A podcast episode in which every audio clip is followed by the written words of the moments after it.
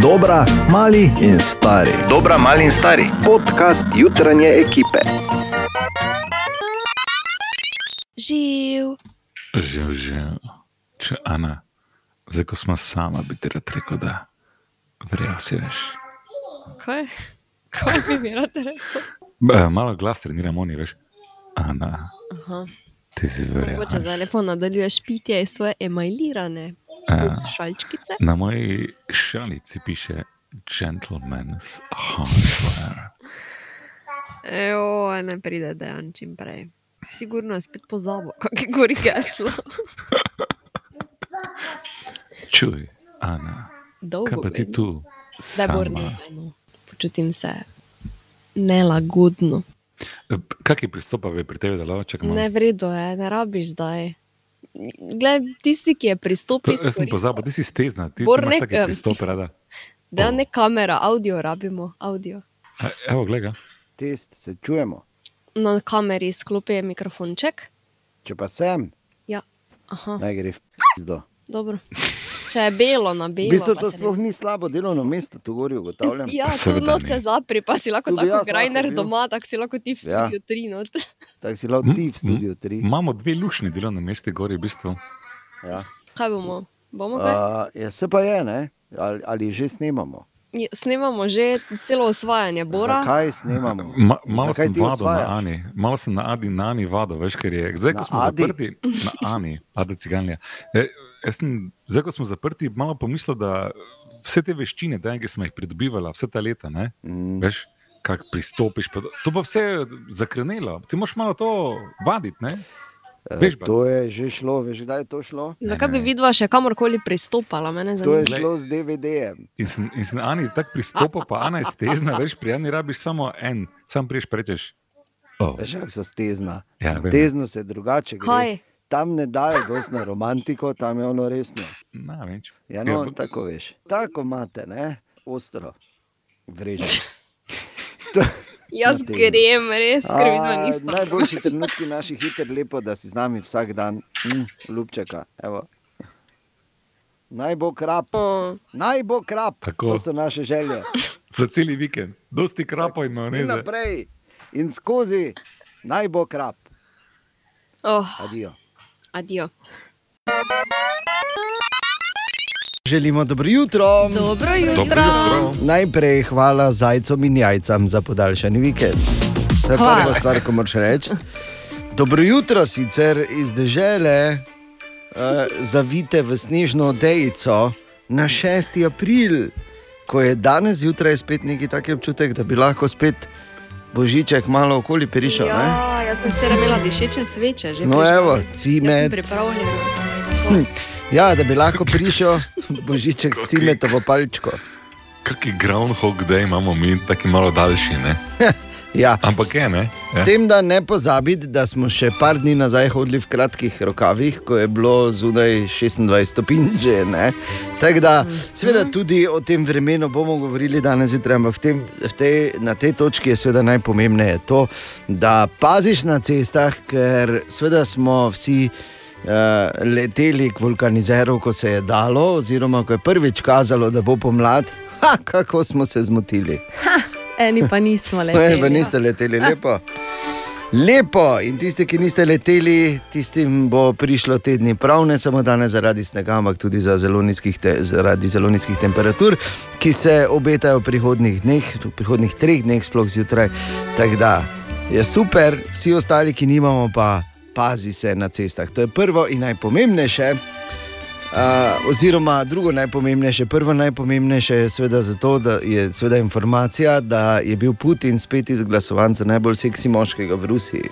Pa dobro, no. To pa, Bravo. je, to pa je presenečenje, to je vse, kar vam rekel. Torej, eh, zaenkrat česneži in so ceste take, kot so ne pozabiti, ne bo treba predolgo čakati, pa bo nehalo. Jaz pa imam za vas, Katjana in Bor, eno vprašanje. Mhm. Še bolj. Mhm. Mhm.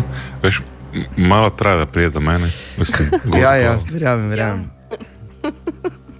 Kaj so vam spet objavili? In kaj so vam objavili? Mm. Na hekerskih forumih, dragi moji, je dostopna zbirka podatkov 533 milijonov uporabnikov družbenega omrežja Facebook. In to so pač vsi podatki, ki smo jih mi gor vpisovali. Tako face me, tak face me nas zdaj boli, da nekdo ve, da sem jaz abo kliknil več kot enkrat. Ampak eh, med temi podatki je tudi Kar te lahko boli, številka. bor, bor, kar te res? Ja, to je problem. Oh. Torej, med podatki na forumih je tudi natančno 110 tisoč 178 telefonskih številk slovenskih uporabnikov. Tako. Lepo. No, to, to sem že jaz naredil svoje, pred leti prvič rekel 0417-898, tako da, veš, če daš telefonsko ven, ti je Facebook ne more vkrast, ampak ni pa to prijetno za veliko količino uporabnikov. Ja. Torej, ni problem, da, so, eh, da se ve, da si ti večkrat abo kliknil, problem je, da se pol ve, kaj si to abo delo. V vsakem primeru, eh, kot jaz razumem, je, je to v bistvu tista baza ukradenih podatkov izpred nekaj let, ki se je nekaj časa prodajala. Ne? Zdaj pa je on ali dovolj zaslužil, ali pa imel pon kufer, pa gor porino. Ne? Ja, no, v vsakem primeru to so narodni podatki, ker recimo zdaj, če te bo ob treh po noči klical en, ko bo prodal poštre, ne bo fajn. Ne? Dobro, če, če vse poštre, ne? da ne, da ne kličejo oni po noči, tvojo ženo pa se fulažejo. No, v vsakem primeru, bolj jaz upam, da je bilo lukrativno za te. Ne? Kradljivec. Če nimaš, nimaš problemov, to je ta stara resnica iz Maribora ja, in okolice. Ja. Želimo dobro jutro. Dobro Dobro jutro. Dobro jutro. In uh, to je en podatek, ki sem ga prebral in sicer, da je po enem letu v vesolje uh, prišel uh, vesoljec oziroma astronaut nazaj in se mu je srce skrčilo za četrtino. Pa je samo enkrat šel Ja. gor pa dol. Tako da No, toliko, mislim, eno leto je bil gori. Ne? pa dobro. Toliko o letovanju v prihajajočem uh, vesoljskem hotelu, samo to, uh, eni se seveda nimajo kaj zabati.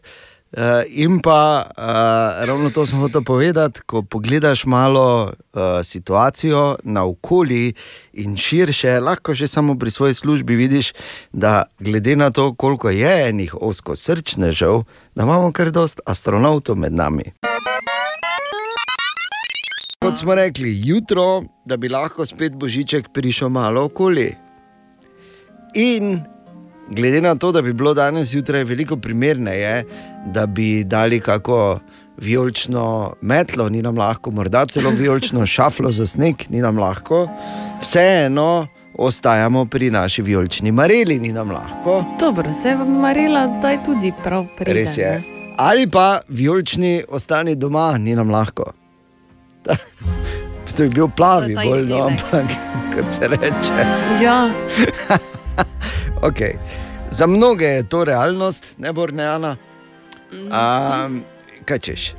Ampak vseeno tudi danes lahko dobiš našo vijolično marelo, ki bi tudi prav prišla v tem vremenu, uh, ker vseeno snegi padajo precej moker. In sicer tako, da na naših družbenih omrežjih rešiš, po novem, sem ugotovil moj Roršahov test, kaj? oziroma koga imamo skritega. Ker jaz skozi vidim ene in iste osebe, zato pravim, tako pri Roršahovem testu vidim ene in iste stvari, Aha. tako tu vidim ene in iste osebe in sem se nehal iti. Zato, da ne bi slučajno morali kdaj klicati tudi kako strokovno inštitucijo, ker pol veš, da na več vum pridem. Ne? Če me enkrat zgrabijo. videl? Ajde, da, da Ne, ne bom sploh Je bil, ne? Ene in iste ljudi vidim. Ene in iste, kar seveda ni nujno, ali pa bolje rečeno, je pravilo, da je daleč od resnice, oziroma tega, kar v resnici je. Tako da, poglej, imaš tudi danes časa še ph, tri ure, ph, počasi. In počasi, predvsem na cestah, kot sem dejal, zimske razmere so a, po večini, pa so vseeno avti že v letnem obuvalu. Ne samo, da sneži in je cela štala tam zunaj, še ker je danes prvi delovni dan, ima tu Katja tedenski horoskop. Bleh. Ja, ker Ja, to je tako hudo, ja, slabo. Ni- Grozno. Ah, Ne- ja. Ne spomnim se, da bi kjerkoli horoskop meni dan polepšal. Mislim, Ok, Ja, ok, ne povej, obsojem, Katja. Mogoče komu pa. Torej, Imaš prav, imaš prav. Oven. V tem tednu si boste znali ustvariti zelo dobre pogoje za sodelovanje, veliko boste dosegli. Bik, morda se vam bo zdelo, da samo vi upravljate določena dela in povrhu vsega še drugim delate usluge, ta teden se bodo vloge zamenjale. Dvojčka, polni energije boste in to pomeni tudi, da boste bolj težko čakali na odločitve drugih, čaka vas zelo dinamičen teden. Rak, neočakani in nepotrpežljivi boste, zavedali se boste, da vas čaka veliko dela. Pomembno pa je, da si vzamete čas in stvari opravljate počasi. Lev, v vas bo prevladovala potreba po dokazovanju in želeli boste doseči vse, kar si boste zadali. Energije se bodo stopnjevale, kar vam bo zelo všeč. Devica, nastopil je čas aktivnega delovanja in to bo tisto, kar bo v vas dvignilo energijo. Previdni boste morali biti le, s kom se pogovarjate, saj lahko srečate sebi enakega. Tehnica. Zdelo se bo, da, se vam, da so vam zvezde res naklonjene. Kmalo, v samem začetku tedna, se boste uspeli povezati z osebo, s katero si že dolgo časa želite sodelovati. Seveda, Brad Pitt. Ja, ok, Glej, škorpion, nič in nihče vas ne bo uh, moglo ustaviti. Poleg vsega boste prijeli dodatno, zelo konkretno pomoč, ki vas bo še dodatno. Uh, Nagovorila. Strelec, ste na zelo dobri poti, nekaj truda še je potrebno vložiti, zato ne obupajte, izplačalo se bo. Kozorok, dobro ste opravili in to zavedanje naj bo vaše največje gonilo v tem tednu. Najbolje boste, oziroma najbolj boste uspešni, če boste sledili sebi. Vodnar, vprašanje, ali res morate to narediti, za vas niti ni tako močno pereče. Vsi ukazi so za vas le smernice in včasih drugo mnenje, ki ga sami vzamete v pregled. Ribi, za razliko od nekaterih, sami ne zmorete biti vedno pozorni na vse, kaj se dogaja. Morda lahko na svoj nežno zmeden način v teh dneh pokažete drugim, da je v redu, če nimate vsega pod kontrolo. Spet bor. Jaz, da nimam vsega pod kontrolo. Ali mi že to Ne. slišimo, ker prišlo, tako Katja, okay? Ja, Ne, vem. zaželel sem si malo božičnega Joj. Vsa ta leta, Bor, hvala ti, Katja, da si zdaj povedala. Vsa ta leta sem jaz mislil, da piješ, a ti si samo nežno zmeden. Še enkrat želimo dobro jutro. Dobro, Dobro jutro. jutro. Dobro jutro. Dobro jutro. Ob koncu tedna vedno Katja pripravi na našem Instagramu en kviz, kako pozorno si poslušala ali poslušal. In če pravilno ugotoviš in te žreba, jasno, eh, dobiš eno čudovito vijolično marelo Radia City. In to nedeljo so bila sama težka vprašanja, ampak najtežje med njimi, Katja, je bilo. Pa niso bila samo Ja, no, težka. če bi recimo, kaj, Najtežje, ja. kaj si Eh, imela za jutro, recimo, da vidimo, če smo se Za poslušali. jutro je bilo preveč lahko. Dobro. Na koga je najbolj vplival premik ure? Zelo preprosto. Tako, ne? Zelo preprosto. Lahko vprašanje. Zdaj, če moram pa najtežje zbrati? Ja. pa katera Tinetova rima je pravilna.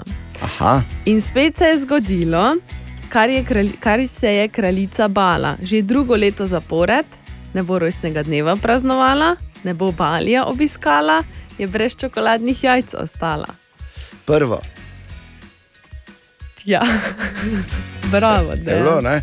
Ker v bistvu je Natalija Včeraj to, imela, ne? E, Včeraj je imela rojstni dan. Tako, ja. tako. Vse najboljše, Natalija. Ja, vse najboljše za nazaj.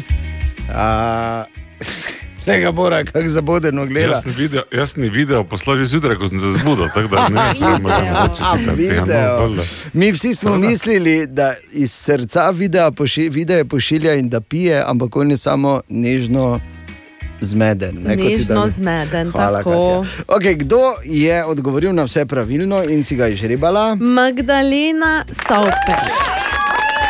Prav, Magdalena, vijolična marela, ni nam lahko, radio City je tvoja in naš kviz, kak si poslušala, kak si poslušal spet ob koncu tedna.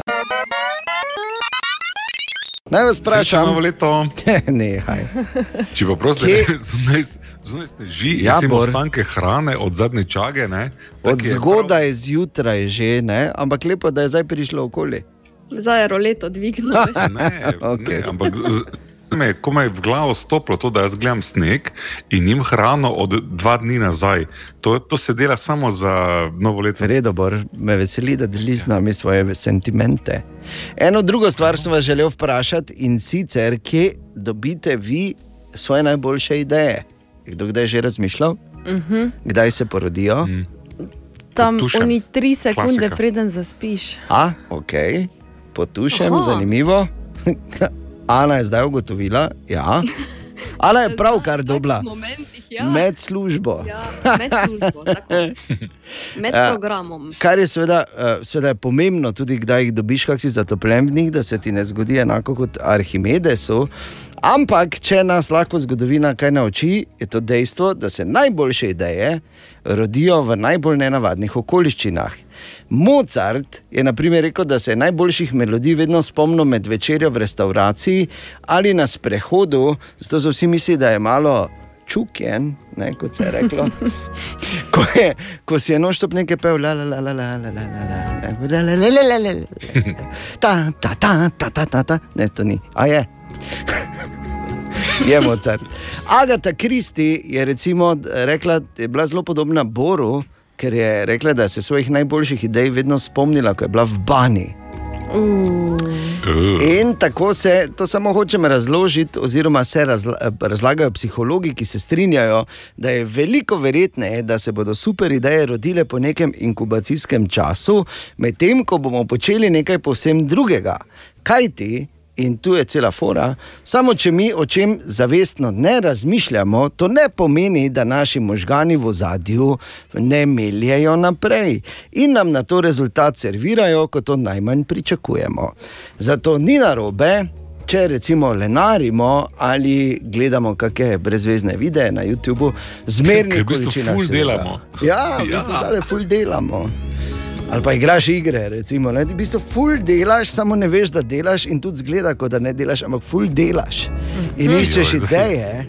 Dal si mi kraljevsko obrambo za naslednjič, kaj lahko previješ. Tako Samo, ti Ti ne veš, da delam. ful delam. Oj, Ful Če Oj. špilaš se, ja, Ja, ja. to je na zunaj, tako od znotraj. Oh, Ampak to dejansko tako je. Razmišljam.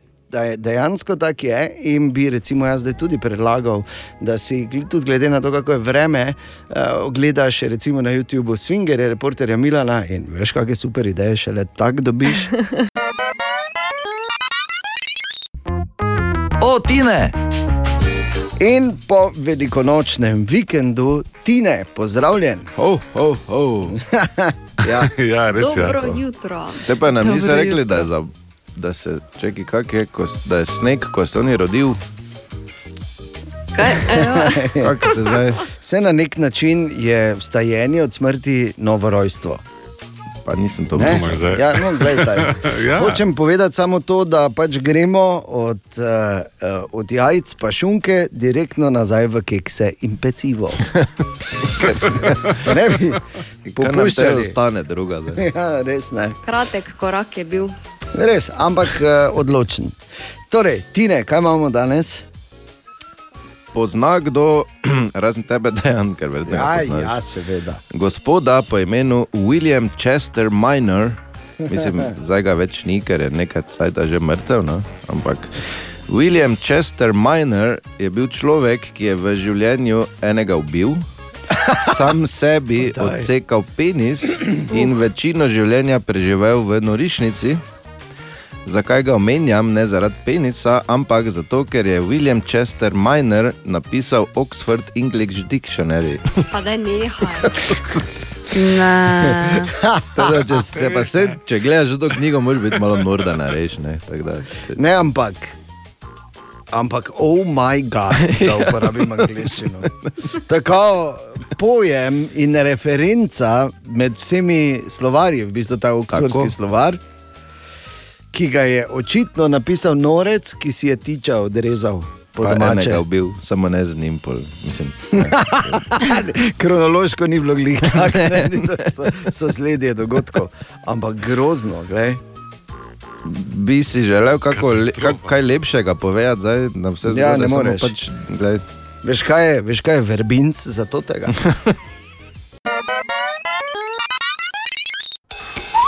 Aha, efekt. Po High Effectu pa Bor danes odgovarja na vprašanje Marte, ki jo zanima, zakaj se naše telo celi drugače, ko spimo.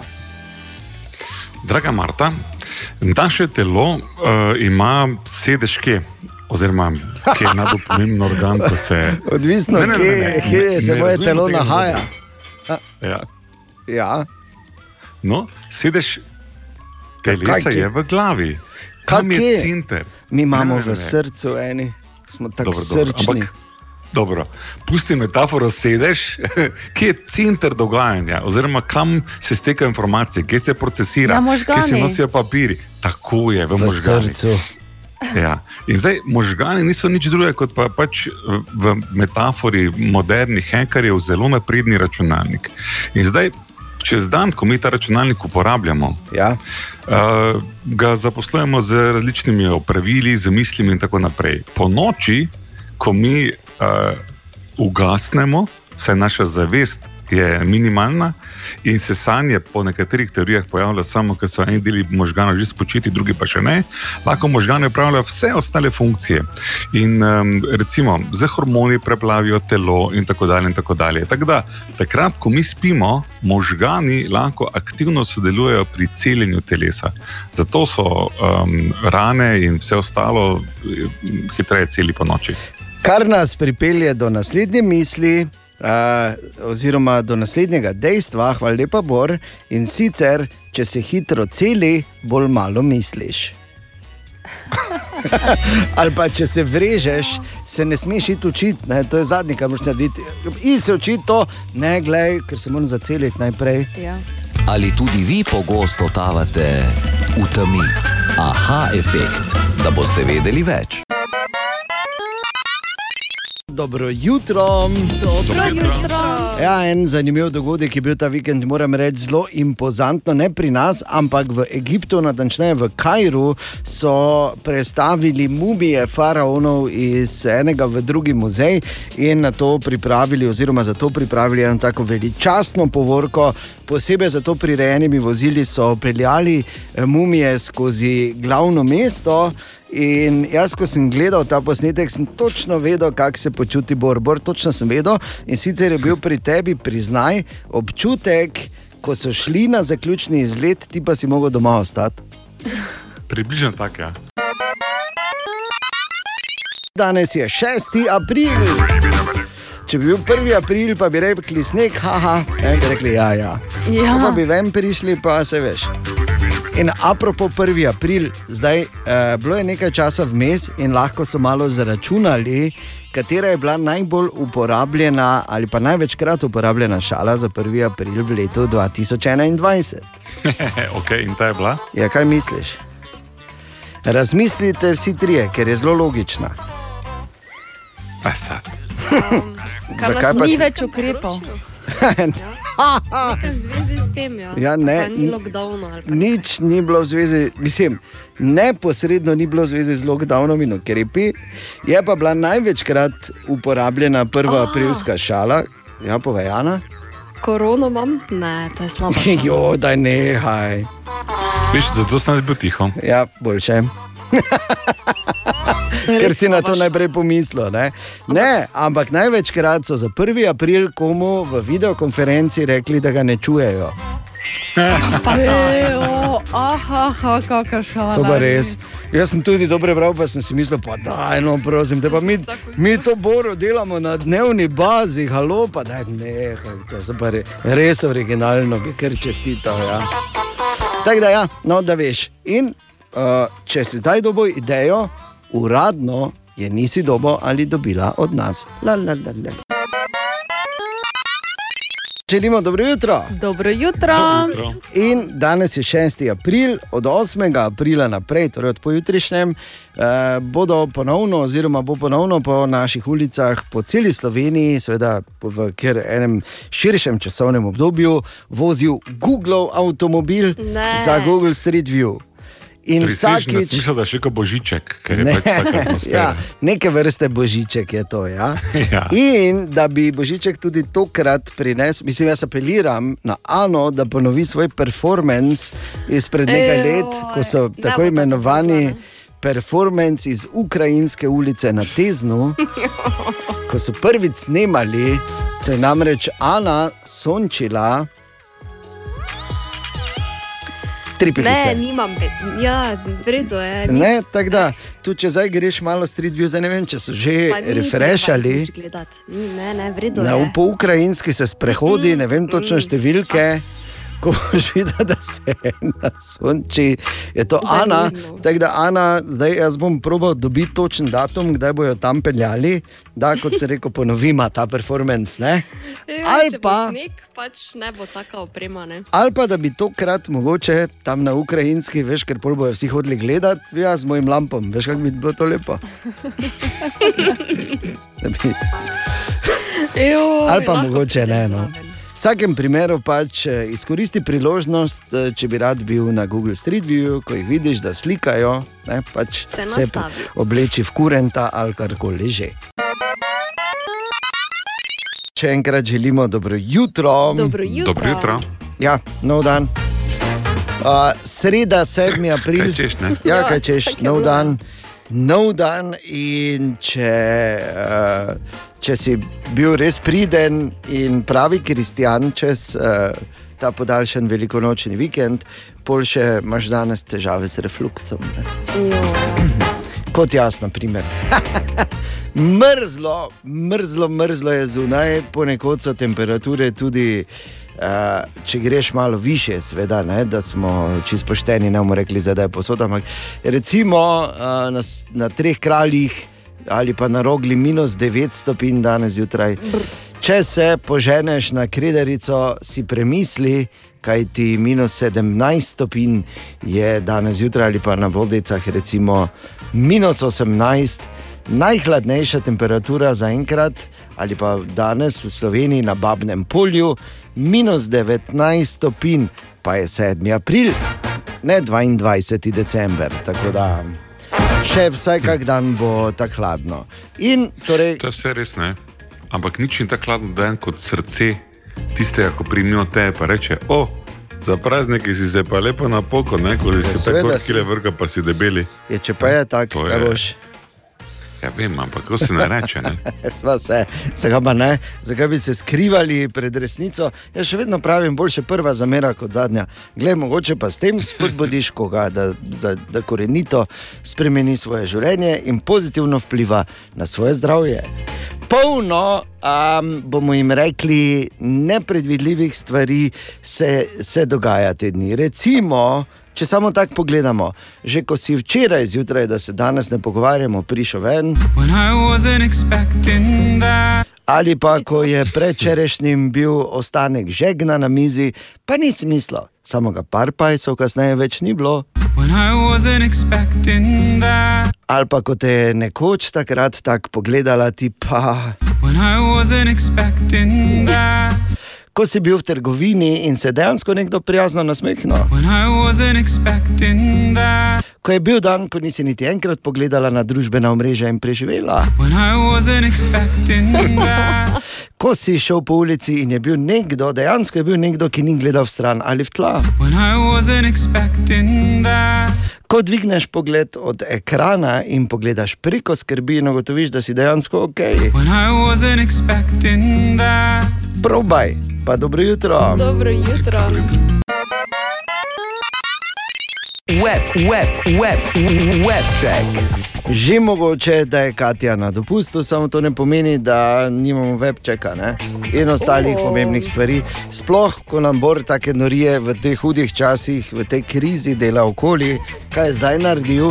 Postavil rekord, ko je za original zapakirano uh, igro Super Mario Bros. iz leta 1985 na dražbi odštel več kot pol milijona evrov, če smo natančni 565 tisoč evrov in za štirikrat praktično uh, presegel do zdajšnji rekord. Bravo, Bor. Pa bravo, jaz. Če bi le, ne. Bravo. Kak te ni sram? Mi pa tako se praktično Ja. po šodru vlačimo, Tako. z odprtimi trebuhi, brez zaščite praktično, vsak nas lahko. Rasitnik si. Ja, ti pa tako. Okay, torej, tretji dan, to moram šteti eh, za Katijo, tretji dan snemanja ponovne združitve Francov je za njihov novi special, ki bi naj bil na HBO-ju. HBO-ju, ste čula? HBO-ju.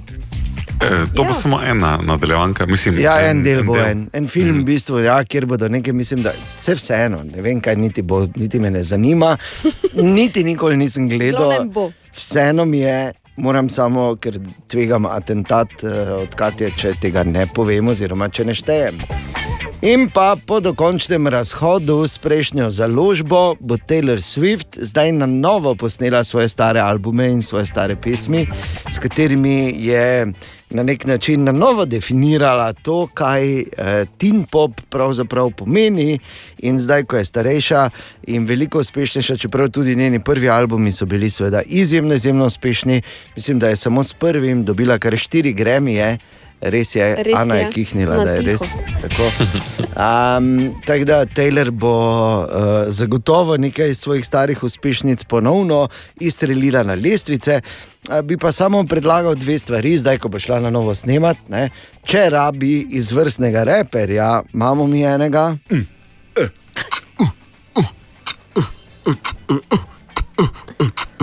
Like the Gregory Snap attack front to back in the stink old rap. To je recimo. mašina zažene, ja, začuti to, ja, ja. ja, tako to. Točno to. Ja. Ali pa če rabi kak izvrsten vokal, bi jaz kar takoj eh, Taylor predlagal tega orglarja in ljubite, ljubiteljskega orglarja Ja, aha. in eh, pevca iz Pobrežja. To imamo ta stari posnetek, mislim, mogoče bo Taylor zdaj slišala. Ne na zadnje je svetovni dan zdravja in smeh je pol zdravja. Poslušaj to, Taylor, listen.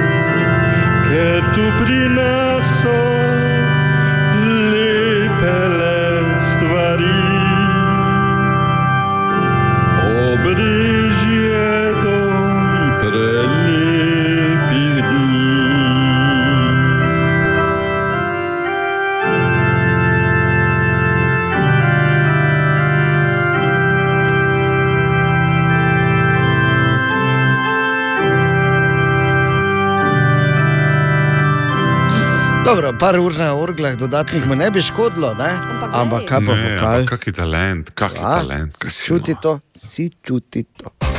Webcheck. Še enkrat dobro jutro. Dobro jutro. Dobro jutro. Ali se zavedate preprostega dejstva, da se v svetu tehnologije vse stvari neprestano spreminjajo in uh, da je vedno, praktično iz, skoraj da iz ure v uro nekaj drugače in razvijate se. Ne? Skoraj res je tako. ja. In tako je ena od zadnjih novic ta, da se je LG, da so se pri LG-ju odločili, da ne bodo več delali mobilnih telefonov. Ja, pa joj, ja, pa joj, pa kaj si nor. Ja, pa, čakaj, čakaj, ni, to je kar šokantna novica. Niso za oni Nokia, ne? Ne, niso, niti niso Amazon, niti niso Ericsson, niti niso Facebook, če kdo je še hotel narediti. Uh, uh, pa niti niso Dell, pa niti niso HP, pa niti niso Toshiba. Tudi ne Blackberry, oni še vztrajajo, se meni zdi, ne pa Motorola. Ja. z nekimi. Uh, in zakaj so se za to odločili? Preprosto zato, ker so v zadnjih petih letih, se bi rekel, logična odločitev, pridelali izgube za 4 milijarde in pol dolarjev. Joj.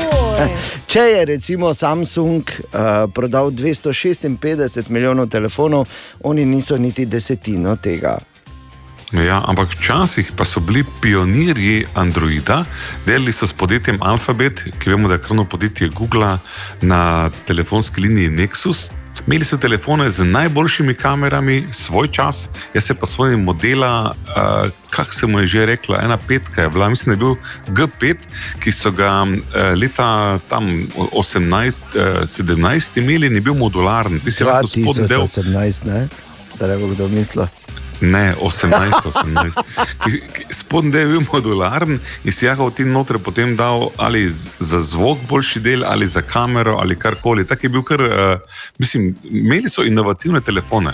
ki se niso prijeli. Bi pa samo vprašal to, ali je kdo od nas imel LG telefon kdaj? Jaz sem ga imela. Ne. Ti si imela, Ana? Ja. Res, Ana, To je kjerega? bil eden izmed mojih prvih telefonov, po Je bil mojem. LG, Ne vem, neki. Ne, ne vem. pač- LG2, ne? Ja, verjetno. Možno tudi, da je bil ena. Tako se je gor odprt. Ok, in spet, evo, jaz tudi absolutno Flip nisem LG-ja. Sam bi pa rekel eno stvar, tudi tu je živ dokaz, zakaj, uh, zakaj so se odločili, oziroma zakaj jih je situacija pripeljala, da nehajo delati telefone. Samo, če naredimo raziskavo tu, od treh v jutranji ekipi je imela ena enkrat LG-ja pred davnimi leti, dva pa nikoli.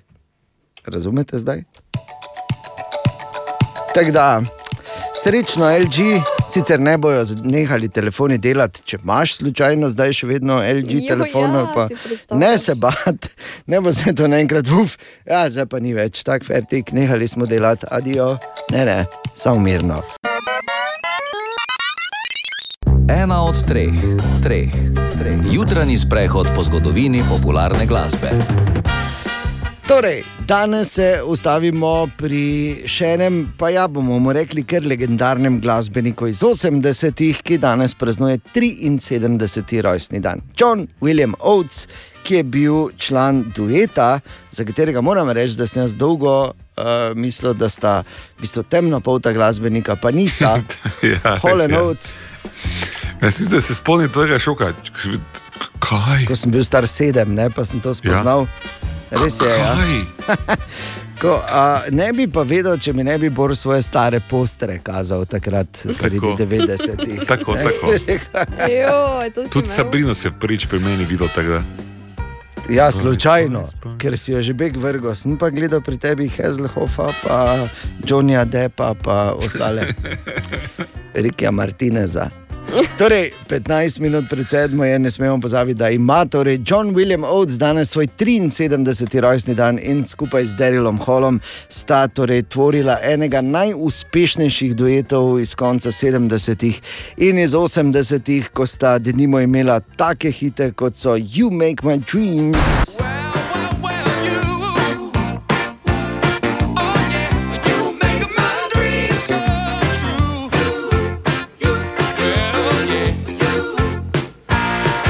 Pa Maniter.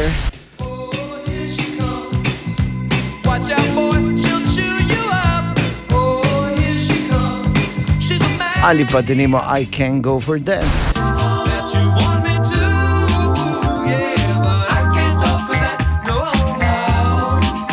No, oh. Ne? no, oh. no. To sta to finto, veš, ko začneš eh, pet na eni drugi tonaliteti, pa se počasi gor vrneš na pravo, to sta prihajnti jo vzela. Iz uh, hajči, hajči, bum, bum. Torej, eh, John William Oates ima danes rojstni dan, predlagam, da si zavrtimo meniterja, pa se malo spomnimo, kako je bilo včasih, ko se je še dalo veniti na poštno. Torej, Ana Borindejan, želimo dobro jutro. Dobro jutro. Dobro jutro. Dobro jutro. Danes je 7. april, ki je hkrati tudi svetovni dan zdravja.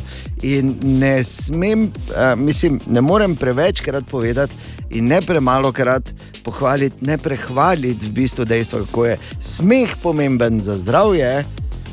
Zato ja. še enkrat več, glede na to, da so razmere temu primerne, se spomnimo starega decembrskega dejstva, ki pravi: Ja, se pravi, da je kamor se spodi nogi. Res je, res, res.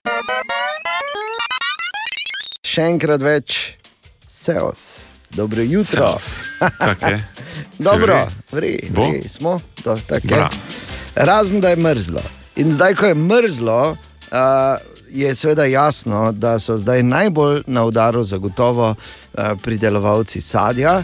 Uh, Kaj ti te nizke temperature ne, ne koristijo ravno drevju, ki je seveda že zacvetelo, in o tem bo zagotovo veliko govora tudi v prihodnjih dneh. Ampak človek se vpraša, tako se človek sprašuje, se človek vpraša tudi, kaj te nizke temperature pomenijo za ostalo gamat, ali bomo imeli manj cekov. In uh, ali Bog ne daj to škodi tudi čebelicam. To je za nas danes zjutraj uh, preverila Naja. Naja, dobro jutro. Dobro jutro. Zdravo. Ja, temperature pod ničlo lahko vplivajo na razmnoževanje žuželk, ki imajo glavno vlogo pri opraševanju rastlin. Med najbolj ogrožene vrste spadajo čebele, ki so že bile v intenzivni fazi razvoja. Kaj bo z njimi sedaj, razlaga Boštjan Noč, predsednik Čebelarske zveze Slovenije. One se bodo spet uh, stisnile v to zimsko gručo in uh, propadlo bo tudi nekaj, bom rekel, tega njihovega zaroda, ampak jaz upam in verjamem, ker bo ohladitev kratkotrajna, da bodo čebele to nekako zdržale. Večji problem je to, da v bistvu v naravi uh, vse pozebe in ne bo prave paše za čebele, čebelari jih bomo mogli zdržati. Podobno je tudi s samicami čmrlja, ki se mrazu ne morejo prilagoditi. Miša Pušenjak, specialistka za zelenjadrstvo in okrasne rastline Kmetijsko-gospodarskega zavoda Maribor pojasnjuje. Ti divji praševalci so pa zdaj kar v nevarnosti, posebej čmrlke, ker vemo, da so zdaj spomladi zunaj na prostem samo oplojene matice, ne drugega zdaj ni. Če oplojena matica gre, gre pravzaprav cel zarod, za celo leto izgubimo eno, bom rekla, generacijo čmrlov. Ne. Zdaj, načeloma, vse te živali začutijo, vedo že prej, kušajo najti kakšne skrivališča. Upam, da so našli kakšne te votline, ker zdaj vidim, da nive so pa vse obdelane, ampak zelenic pa upam, da še niso ljudje pretirano kostili. No. Poudarja še, da mraz ne bo škodil čebulni muhi, ki lahko uniči pridelke, kot so čebula, česen, šalotka. Te vrtnine bo potrebno zaščititi. Ohladitve so vseeno prinesle nekaj dobrega, namreč komar in klop, ki sta človeku lahko nevarna, nista trpežna na temperature pod ničlo. Klopi postanejo dejavni šele, ko temperatura zraka preseže 5 stopinj Celzija, komarji pri 15 stopinjah, tako da se bo število teh za nekaj časa zmanjšalo. Ja, in upam, da jih bo tudi Hvala. teh nekaj crklo, ne Jaz pa grem bogih čebulo čmrlk. pokrit, ker da bi pa to pa ne, ne. to pa ne. ja, pa, ampak pazi, čebulna muha bo Ja. preživela. Dobro jutro. Dobro jutro. Dobro jutro. Ogromno resnih vprašanj je tam zunaj, s, katerim, s katerimi se ubadajo ljudje na vseh nivojih, torej od nas, navadnih eh, plebejcev, pa vse tja gor do zgornjih kast patricijev, kjer, se, kjer domuje Bor in eh, njemu enaki. Ma, Patrici malo više pa sem že, ne? No, oprosti. dobro, pač nad patriciji, super patriciji. Tako. A, Si zadovoljen zdaj? Zdaj sem končno svoj rank našel, jaz Su- sem super, Patrici. No, evo, tam, ja. Ampak ogromno resnih vprašanj je tam zunaj povezanih z zdravjem, s cepivi, s tem, ali bomo ja. Ja. še sploh ali ne bomo, ali kaj sploh bo zdaj. Ampak ob vsem tem pa ne smemo pozabiti še na eno izjemno, izjemno pomembno vprašanje, ki ga bom zastavil zdaj, ki mogoče celo preseže pomembnost vseh vprašanj, o katerih smo govorili malo nazaj. Ste pripravljena? Ja. Izjemno pomembno vprašanje. Godzilla ali King Kong, kdo naredi večji kup? Pa dobro. No. Jo! To je taki brain twister, ki se res tak, ne, ker King Kong je ogromen. Ne, na debatiraj, Godzilla je pa, je pa no. radioaktivna. Ja, no, gledaj, Ana, Ne, ni, ne. Večji, ne vsebinsko, mislim, če se komu se bolj sveti. Ja, ne, ampak ravno zato, ker je zaradi- te radioaktivne lastnosti Godzilla, bi rekel, da je njen manjši, ampak bolj strupen, razumeš? Ja, seveda. Bolj ne. Svetlejši, bolj ne. Svetlejši, ja, ja. Pa, Pa malo nenavadnih bliska. oblik, ja, res. čim Mutiran. Jaz bi rekel King Kong. Pa Ja. daj tam mirno. Ja, Ana, postavlja vprašanje. Tako, hvala lepa, Bor, vedel sem, da lahko na tebe računam, ko se o kupih pogovarjamo.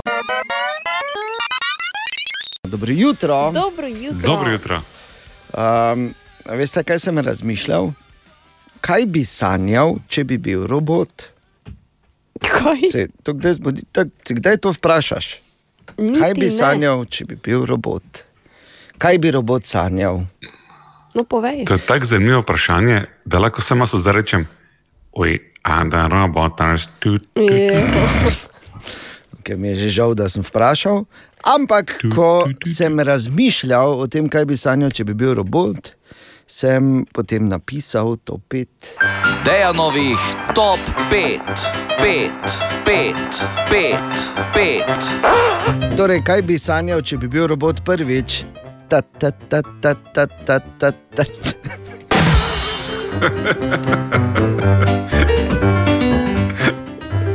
Ne? Kaj bi sanjal, če bi bil robot drugič? Fuh, olje. Samo res. Kaj bi sanjal, če bi bil robot tretjič?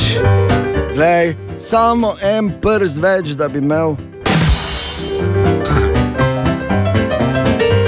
Kaj bi sanjal, če bi bil robot četrtič? Rumba hladilniku. Glej, če bi ležal, ne bi bilo take razlike.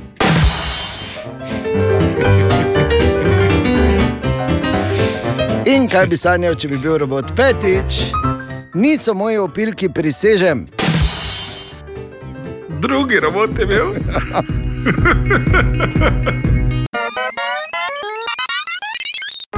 O, Tine! Tine, dobro jutro. Dobro jutro. Dobro Zdravo. jutro. Dobro jutro. Danes ponovno uh, zimsko jutro in vprašanje, ki ga vedno postavimo, ko je slabo vreme, ali si z biciklom. Na servisu ga imam. A, Tako da ne. si ga uničil. Ne, veš kaj imam, eh, luft na, pri kogonim, ne vmes. A, uh, to pa ni fajn. Ja, tebe je rekel, ljubo, da pripelji, samo že ga dva dni mogo tu pustiti. Vsem kot te pa sem se odločil, da bom ga včeraj pelal, ker je bil taki dan, oziroma predvčerajšnjim, ne, te pa zdaj Ja. še ni. Pa. Zdaj je lepo. In kot naročeno sem dan zaspal. Lepo. Pa je, gled, tudi v hladnem je šprancir, veš, kako je to zdravo. Mm, te pa ideš. Kožo lepo. Te pa idi. Edino bor ne smet, ker mu pokne koža. pol. Same neprimerne imam, mogoče ne bi zdaj o tem. Okay. Boru koža poka. Tako, tako. Ejoj. Čakaj, malo veš kaj je to? Ja. Boru je koža Bor je poknila. poknila. Ja, Ja. Tako je kot hrastovo ljubje. Okay. Kaj imaš ti ne za eno danes? Ana, nehaj, prosim te, nehaj se ti smejati. Res, samo, samo podpiraj. Samo pod... Glej, nehaj. Si predstavljal, Ja, seveda, se vem, se za Ja. to. bolj suhi zvoki. No. Bolj suhi zvok. Tako, Ne torej, za, kaj imamo za eno zanimivost Tine danes? Kaj bor, nehaj no. Sam svojo To je kožo ponašaš, to je slabo. In to Ja, kak? je. Rekla je bolj suho, ne tako mokro, kot si nor. Če pa je on najslabši oponaševalec na Vsega, ja, to je dejstvo. to- To Absolutno. ni. Torej, Bor daj muco naredi. Vidiš? E, torej, torej, kravico, bor. Mov. Frajer, kaj je mov. Torej, daj, še. dajmo se, daj še. Daj dovolj je, bor, no. Daj še. Daj še. Torej, poznamo sopranote. Seveda. Seveda. In eh, ko so eh, sopranotovi se predvajali, je resnična mafija bila trdno prepričana, da špionirajo za njimi, zato ker je bil prikaz mafije tako pravilno resničen. In kako so pa oni vedeli, da je mafija to mislila, zato ker je FBI mafiji prisluškovala, pa je čula, da se menijo, kako so sopranotovi res, da zgledajo in prisluškujejo. Tako da, tako mi rekel, slaba mafija, če so mislili, da jim prisluš, prisluškujejo, oni pa so dejansko jim prisluškovali, pa niso vedeli, da prisluškujejo. Razumeš, kaj ti Lepo, lepo. Tako da, bravo, eh, ja, tako da, če hočete o mafiji se kaj naučiti, sopranotovi. Kar nas seveda pripelje do naslednjega vprašanja. Da ni bilo tako, da James Gandolfini ni umrl naravne smrti. slučajno. Ja, glej. Veš? E, tudi, eh, kak, vemo, kak je pri Botru bilo, ko se je on je reveč mogel skrivati. Isto. Sedem- 70 let. Res je. No, ga niso najdli. Mario Puco. Tako da. Bogi. Ne? No, okay, gremo k lepšim stvarem, Borka pa ko, koničeka. Koniček. ja, No, bravo. bravo. Danes je sreda, 7. april, je situacija taka, kot je, ampak so med nami tudi ljudje, ki najdejo pogum, da sledijo svojim sanjam. Tak je bil Oli the Walker. Se spomnite, Olija the Walker? Ja? Je to nekaj hodo. Ja, ki je hodil, ja. zato je The Walker. Bravo, bravo. Torej, Oli se je odločil, da gre peš od Argentine eh, do Aljaske. In že bil tudi kar uspešno na poti, ampak eh, prepričala mu je tudi malo situacija na svetu. Zdaj pa je Oli spet na sledi svojemu cilju. In uh, David je uh, govoril z njim, torej Oli je ponovno na poti, David. Ja, te dni že tretjič leti proti Južni Ameriki. Prvič je prišel nazaj, ker so mu ukradli potni list, drugič ga je prekinila korona, cilj pa torej ostaja isti. Želi priti od juga Argentine do severa Aljaske, se pravi čez obe Ameriki, od začetka do konca in to peš. V letu pa pol sem prišel do Kolumbije, tako da sem se pol zaradi ropa, ker sem ropal, sem mogel priti domov, uredil papirje, deset dni bil doma. Se vrnil v Kolumbijo, po treh dneh hoje se je pa začel lockdown, tako da sem še pol počakal približno en teden, deset dni, da vidim, če se bo umirila situacija. Nažalost se ni in sem se bil primoran vrniti nazaj v Slovenijo. Oli pa kljub temu, da so ga oropali, ne popušča, se vrača, oziroma niso ga prestrašili. To ni zdaj tako hudo strah, meni, da ne bi speljal tega projekta, še vedno želja, potem to kveča. Ampak ja, bom, uh, se sem planiral malo več, bom spal na policijskih postajah, oziroma o policijskih postajah ali pa na benzinskih črpalkah, da je vedno nekdo okoli. Bom proval malo bolj pazljiv biti. No. S svojim pohodom je ostal nekje na sredini Kolumbije, še 1100 km, približno ga čaka do meje s Panamo, torej z južno celino je skoraj že upravil. Ja, ni pa Oli več sam na poti, ne, David? Ja, res je, psa ima v bistvu Karlitos, najdenko, ki jo je po poti srečal, zdaj je ona v pasjem hotelu v Kolumbiji in ga čaka, v bistvu se že eno leto nista videla. Ja, Karlitos je pa srečal s njo v Peruju, bila je na ulici enega mesta, zapuščena, teda sem se pol odločil, da jo vzamem s seboj, takrat je bila nekje tri mesece stara. Skupaj smo prišli do Kolumbije, ampak takrat se je pol zaradi teh komplikacij oziroma papirjev, ker jih nismo mogli tako hitro urediti, ker je malo teže pripeljati psa iz Amerike v Evropo, tako da je me počakala oziroma me še vedno čaka v pasjem hotelu v Kalju, tako da zdaj, če bo vse po planu, jutri letim iz Ljubljane do Istanbula, potem do Kalja, kjer poberem Karlitos, pa gremo skupaj proti severu Kolumbije. Ko sem jaz dal takrat v varstvo, je imela 7-8 kg, zdaj ima 15, tako da raste, raste. Torej, 1100 km Kolumbije, potem pa samo še Severna Amerika, v navednicah, seveda. Če pa bi tudi ti tam zunaj rada, oziroma rad spremljal olja, je sam povedal, kje se ga da videti in spremljati. Na Facebooku me najdejo pod Oliver Tič ali pa Oli Walker, seveda pa isto na Oli The Walker na Instagramu. In če bi njegov pohod kdo želel finančno podpreti, Lahko me na Facebooku kontaktirajo, Messengeru pošljajo sporočilo, pa jim napišem transakcijski račun, lahko me tudi najdejo na PayPalu, tako da bom pa hvaležen za, za vsako podporo, za vsako donacijo, seveda bo prišla meni in Karlitos prav. No, eh, za konec, eh, sploh ne vem, kaj točno naj rečem, razen to, da lahko ponovim oljev moto Keep on walking, oziroma lahko bi se tudi reklo, ni predaje. Tako je, pa srečno Oli in Karlitos. Ja, dobro, dobro jutro, kako ste? V redu, ja, odlično. Tudi danes zjutraj Ana Borindeja in Katja torej na dopustu. Bu, bua, Katja. Ja, bua, bu, fuj. Ampak na eno stvar pa moram kar takoj opozoriti na tem mestu, na eno veliko napako, ki se je zgodila, eh, ki se je primerila nam. Seveda, nihče ni imun na napake, razen Bora, seveda. In vsi smo dovolj veliki, da jih vedno priznamo. Včeraj je namreč bil dan Bobra, to smo pozabili povedati. Svetovni dan Bobra. Bober, ena od uh, tistih izjemno koristnih živali, ki se počasi vrača tudi v naše reke, ja, tudi v reko Dravo, kar pomeni, da smo vseeno nekaj dobrega naredili v teh letih. In ko pogledaš Bober, dolgi, ostri zobki, močni krempeljci, koristen za okolje, ker je zaščiten, lahko terjaš odškodnino. Bor, ti si bober. Web, web, web, web check. Ja, pa da vidimo. Torej, sicer niso ravno bitcoini, ampak ta trenutek bi v Ameriki imeli neko določeno vrednost. Govorim o pakiranem kečapu, o teh malih paketkih. V Ameriki jih namreč akutno primankuje. Akutno primankuje. tako Aha, da- to, je- to je je ameriški toaletni papir, ne? Mali so malo pač drugače narejeni. Šli so ven in vse male kečape pa kupili. Ne, veš kaj, zato Kaj ker so dosti več uh, imeli dostave hrane in pri dostavi pač so A. dali zraven to te paketke. ne. In hajn pri hajncu niso s tem računali, in zdaj je absolutno pomankanje. Tako da, če si na grabo bor v bistvu uh, dovolj teh eh, pakiranih kečapov pred korono. Zdaj lahko greš neki denar narediti v Ameriko. ne. Ker ja, tam ne moreš nič brez kečapa. In če je kdo bil tam, potem ve, o čem govorim.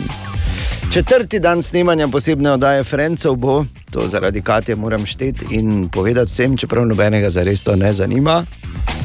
Um, ko so Gwen Stefani, ki mimo grede še vedno izvrstno zgleda. Ja, res ne, je. Jo, Ona je res zelo se dobro, kvalitetno se stara, tako da se ne stara Ja. za razliko od vseh nas ostalih. Ne? In ko so vprašali, Gwen, ti povej, kaj je, kakšna je skrivnost tvojega uspešnega staranja, pa je rekla, da je del uspešnega recepta njen mož Blake Shelton. Ja, Ojoj, seveda, joj. Kakšne dojete skupaj snemate, pa kako kako lepo, pa kako je on da. Pesem za dobro jutro. No, se je tudi malo botoksa. Skupaj za ne. pa dobro, no, brez pač zdaj ne povem, moreš. Ne, ker ima Ne. izrazite ustnice. Res je, res, Zadnje res. čase. Kanček, samo tako. To je mogoče res samo za vzorec, samo toliko, da ne more reči, da nima. Aha, okay. In če en svetovni rekord je padel, ljudje definitivno imajo preveč časa. In sicer svetovni rekord, se ne vem, kako bi ga imenoval, bom kar opisal, kaj se je dogajalo.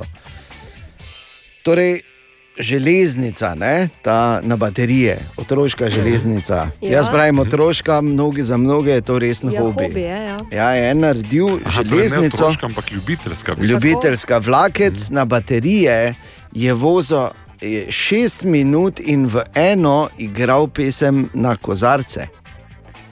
Zraven so bili Kaj? zloženi razumem, kozarci. kratke kaj? Ja, kozarci so bili zloženi, pa tako dve palčki je imel gori. Aha, in je tink. In je, ko je vozil, in je šest minut melodija špilala.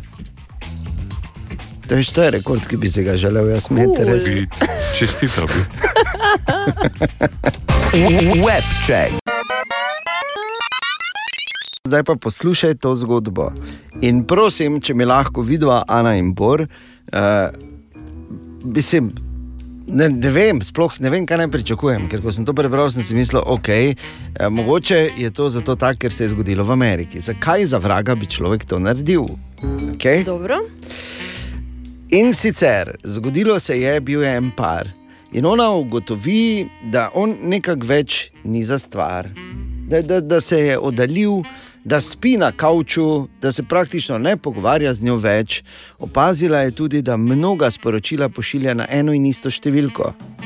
Na tej točki se človek Kaj? vpraša, zakaj ga na bincne žvun. To je prvo, ne? Okay, tudi No, v Ameriki mislim, še ne rabimo biti Zakaj mu ne pokažeš vrata? Pravi, Ne ja, tako marš. Ne? Zakaj? Ne. Veš, kaj je ona naredila? Ona pa je se odločila, da bo ona dokazala, da uh, je z njim nekaj ni v redu. In Ja, je tako si prost- vedno Ja, tako se začne vse. začne zla- Ona bo dokazala. Ja, ona bo dokazala. In je prosila prijateljico, ki je on ni poznal, da mu je začela pisati sporočila in malo flirtati z njim in sem in tja. In da se bi z njim tudi dogovorila za srečanje. In on je seveda bil takoj za. In se zmenita, in hotelsko sobo greta, in on misli, da pride noter, da bo prišla noter ta prijateljica, in ko potrka, vstopita noter njena starša. Ona pa zadaj pa snema.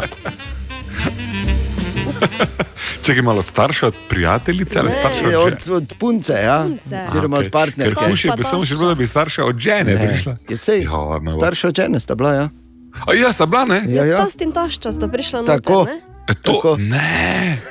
Uh, Ona ja, pa ne. zadaj, ona pa bila zadaj, pa je snimala, kako sta se drla na njega. Skratka. Zakaj? Kako slabo, res. Zakaj? Res, Zakaj? Zakaj? Že ko ni več, hop, adijo, srečno. Ne rabiš pol takih komplotov delati. Da, zakaj? A ja, čakaj, ne. Okay, ne, ne, ne, Res? Ne, nespoznan v eter razlagati. Grozno, ne? Grozno, tako kot sem rekel, zaenkrat v Ameriki upam, da ne pri nas. Pazi to, morda bo služenje vojaškega roka ponovno obvezno. Ja. Kaj? Ja. Samo malo, mislim, zopet se ne rečem, da ne bi ne rabo iti. en tečaj odraslosti škoda tem pubecom mladim, ampak spomni, spomnimo se na borništvo, smo ukinili ne samo, ker smo hoteli profesionalno vojsko, ampak ker na koncu noben ni več hotel vojsko iti, ne? manj kot tretjina je bila. Ja, ja, ampak zdaj bo spet, uh, kot kaže, in uh, v bistvu vse, kar sem hotel reči, je. Narečja so zakon. Ha, kva, koga, kaj? Ma ne razumem. Ja, narečja so zakon, ker so res in nihče v to bolj ne verjame kot naš Marko Fras. Pa tudi če ne bi bila, ne upa več noben reči, da niso. Ne, seveda ne, ker takoj Pač dobiš Marko Fras. servirano, seveda. Fraste uniči, uničite z uh, slovnico. Ja, najprej prije pa tako reče. Dobro, ne rabiš plastično razlagati, dovolj je to, uničite slovnico in naj povem samo dovolj je, da Ja, rečemo. vem, ampak veš, kako on prije najprej tako pe rodilnik, rodilnik, Ja, ja. podvojina, Tako. bolj skloni, pa pa tako upaš. Torej, uničite vsak dan in dvakrat nedeljo. Marko Fras, dobro jutro. Dobro jutro. Zdravo. Na zadnje smo iskali narečne izraze za glavnik. Zdravo, jaz sem eh, Bojan iz Sežane in po našem narečju, po balno-kraškem, rečemo glavniku češelj. Zdravo, jaz sem Brigita, prihajam iz večine, pri nas pa rečemo, da je sim kampel, da se bom vrej pokamplala. Sem Marko iz Razkrižja, mi pa glavniku rečemo češelj. Češelj, da se počešeš in potem si počesani. Vsega skupaj smo našli samo šest izrazov, torej glovnik, glavnik, kampl, češelj, lasočešec in grable. V tem tednu pa iščemo narečne izraze za skopuha, oziroma če je nekdo skop, je kaj. Kaj pravite vi trije? Halabuka, kalamariš in kanceir. Če je skopje Kalamariš grajner, že, ne, kot stari morski vuk. Ne. če je skopje Um. grajner, to je vse, kar me je rekel. No. Ne, veš, kako se reče, cicija. ja, to ste rekli vi doma, ker pač izhajaš iz južno od Slavonije. Ti Ampak, od Slavonije. Pač. je kaj ni Slavonije. škrtaroš tudi, ne? Ja, škrt je ne, nekdo, ki. ki Ja. Ba, kačo v žepu, ne, se reče tudi. Kačo, ne, kačo že pa ima drugi. Dobro, ja, ampak tisti, ki noče dati, ne, da je škrt, pa noče dati. Uh, uh, gajci, ki recimo smo rekli tudi, O, ja. to je, ne, kak si Kaki ti gajci. gajci pa tudi, ja, ja, pa to kaj se- si ti, ti gajci, katastrofa. Ampak glavno vprašanje, ki je A na mizi, na je, denarnici sedi, ne tudi. Ko tudi pa si na denarnici sedi cel čas. ja, tako. Tak smo rekli. Neprimerne. Ampak bistveno vprašanje je, kaj nam je Marko v bistvu rekel. Halabuka je hrup oziroma ropot, kalamariš je črnilnik, kanceir pa je žrebec. No, Žrebec. seveda, seveda rekel, sem da je to mislil. Zdaj pa oba dva hkrati isto. Ja, se pa veš, se pa se Če ve, ne, ne. ne kalamariš. Ti si kalamariš. Kaj ne veš? Ne pazi ga, ker on je kalamariš. So se menili, ko si šel čez poštno. Se spomniš? Nareče so zakon. Ne kalamariša. Ja, rek, pazi, on je kalamariš, naga, sploh ga nagle, nagle, nagle, strangle, strangle, sem pride, se sem vedela. Torej, nareče so zakon, vsak dan frasi medvr šel po drugi. Ha, koga? Ma ne razumem. Narečja so zakon. Pa pazi se kalamariša. Draga Ana, spoštovani Bor, naj uh, preverim na kratko, ali sodita v poprečje, Ojoj. ali sta uh, ne vem, nadpot, vse vseeno. Ker nadpot je samo stvar zornega kota, važno je, da v poprečju nisi. Ne? Ampak kaj mislita, uh, oziroma tako bom rekel, katera je najpogostejša tema, o kateri si dopisujete na katerem koli kanalu že znotraj družine? Mm, hrana. Hrana, ja. Definitivno sta v povprečju. Kaj ti? Velika večina komunikacije, namreč 70% so ugotovili v Evropski uniji znotraj družin, je na temo hrane. Normalno. Ja. Ne morem verjeti. In tu dve kategorije. Ena je, kaj bomo jedli, kaj druga je, tako? kaj bomo kupili. Točno tako. ne morem verjeti. Pa še tretji stavek je, da je izmrzovalnika ven. ja.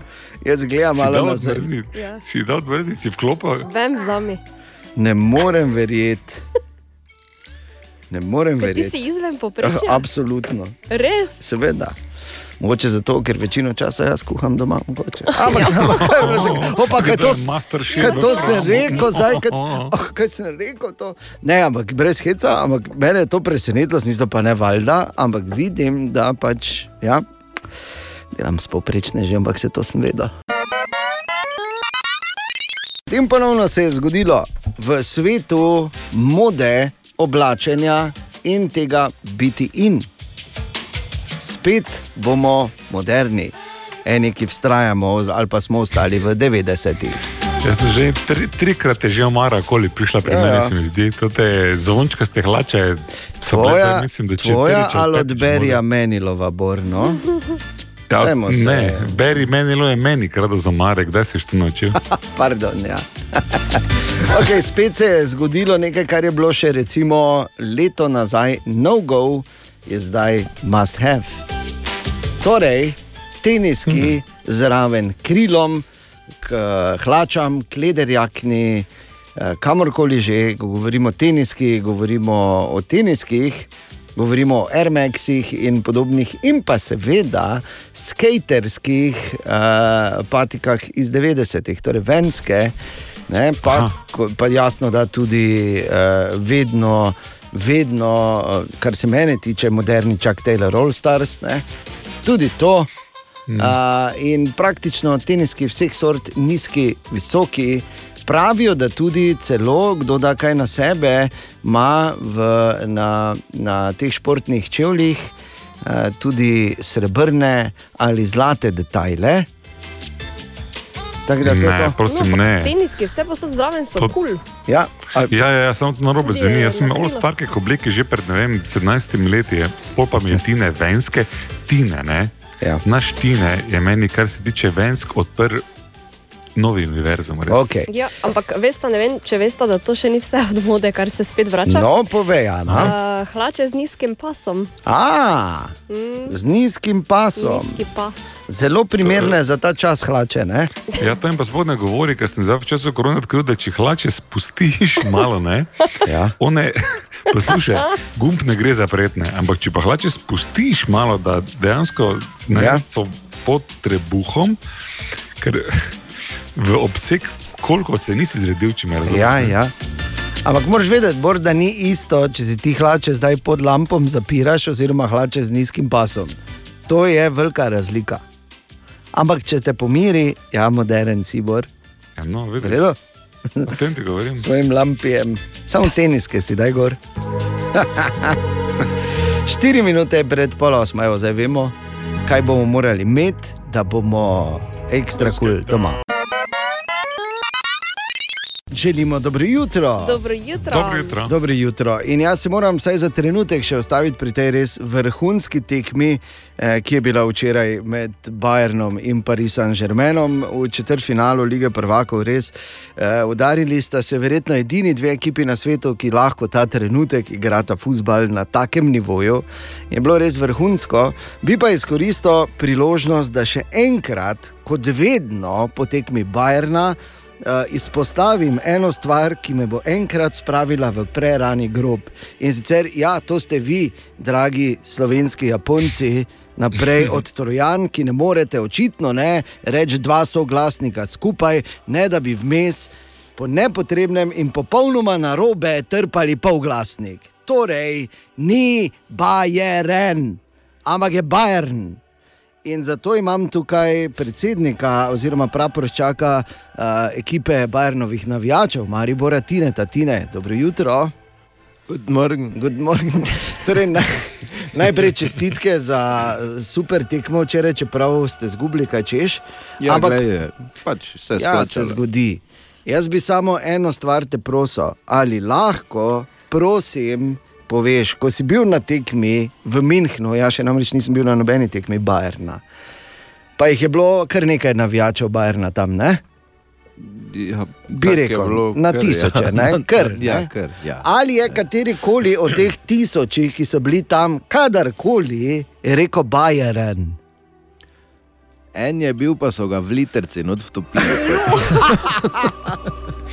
ne, mislim, ni, ne, ker pač ni Bajeren. Ne, ker, Seveda ni. Pač, Ker je Bayern. Ja, jaz se tudi eh, tem prek Trojan opravičujem, da ni not nič, ampak je pač Bayern. To ne pomeni, da štajersko govorite, ampak govorite tako pač je. Ne? Ja, tako.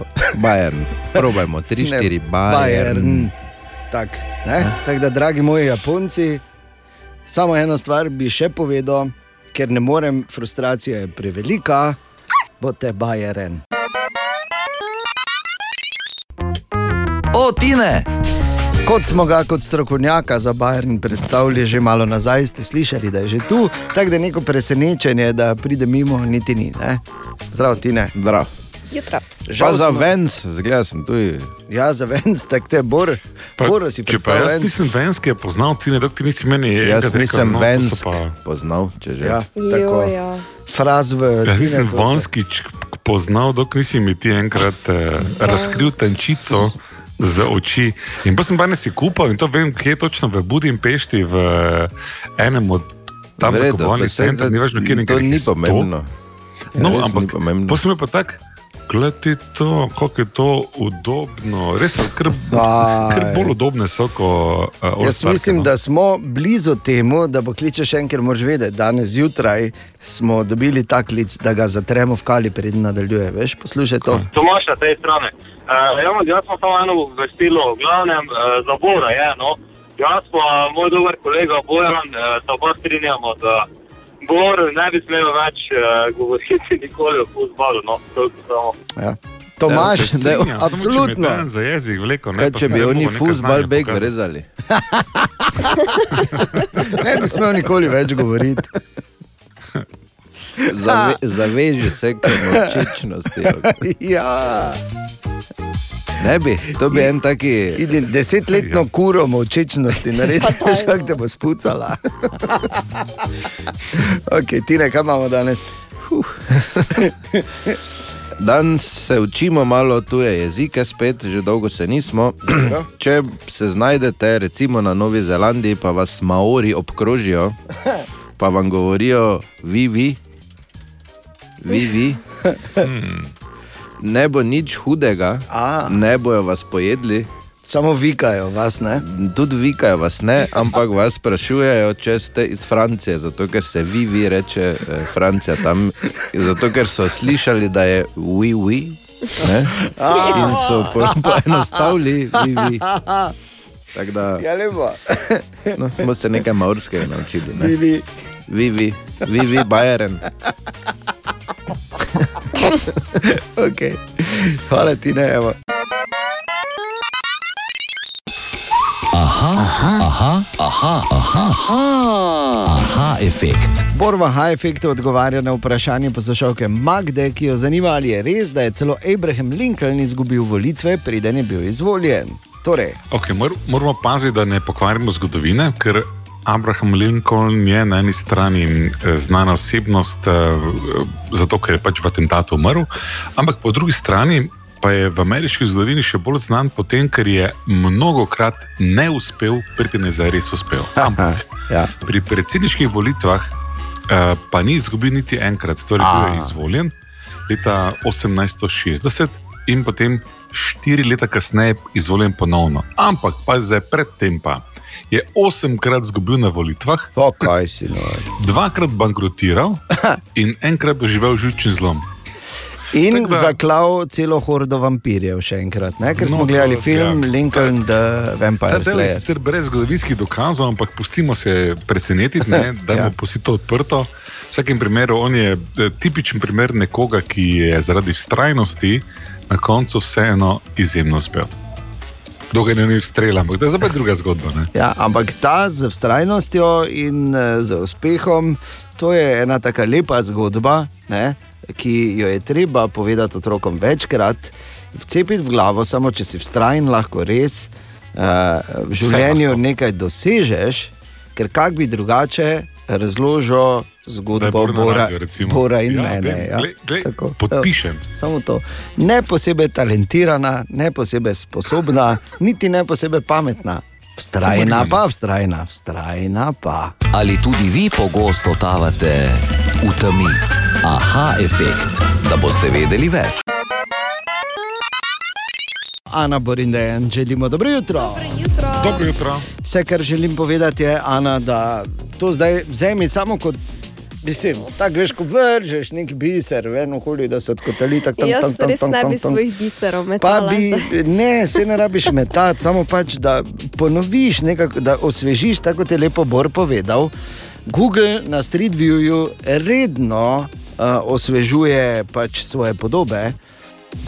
Uh, In zakaj bi nas slabše šli, Jana? Res je, glej, treba je osvežiti tisto lepo iz, sliko iz Ukrajinske uh, in spet, Oh. oh. se pravi, ni nujno, ampak zakaj ne bi probala biti Naga, naga, naga, naga, naga, naga, naga, naga, naga, naga, naga.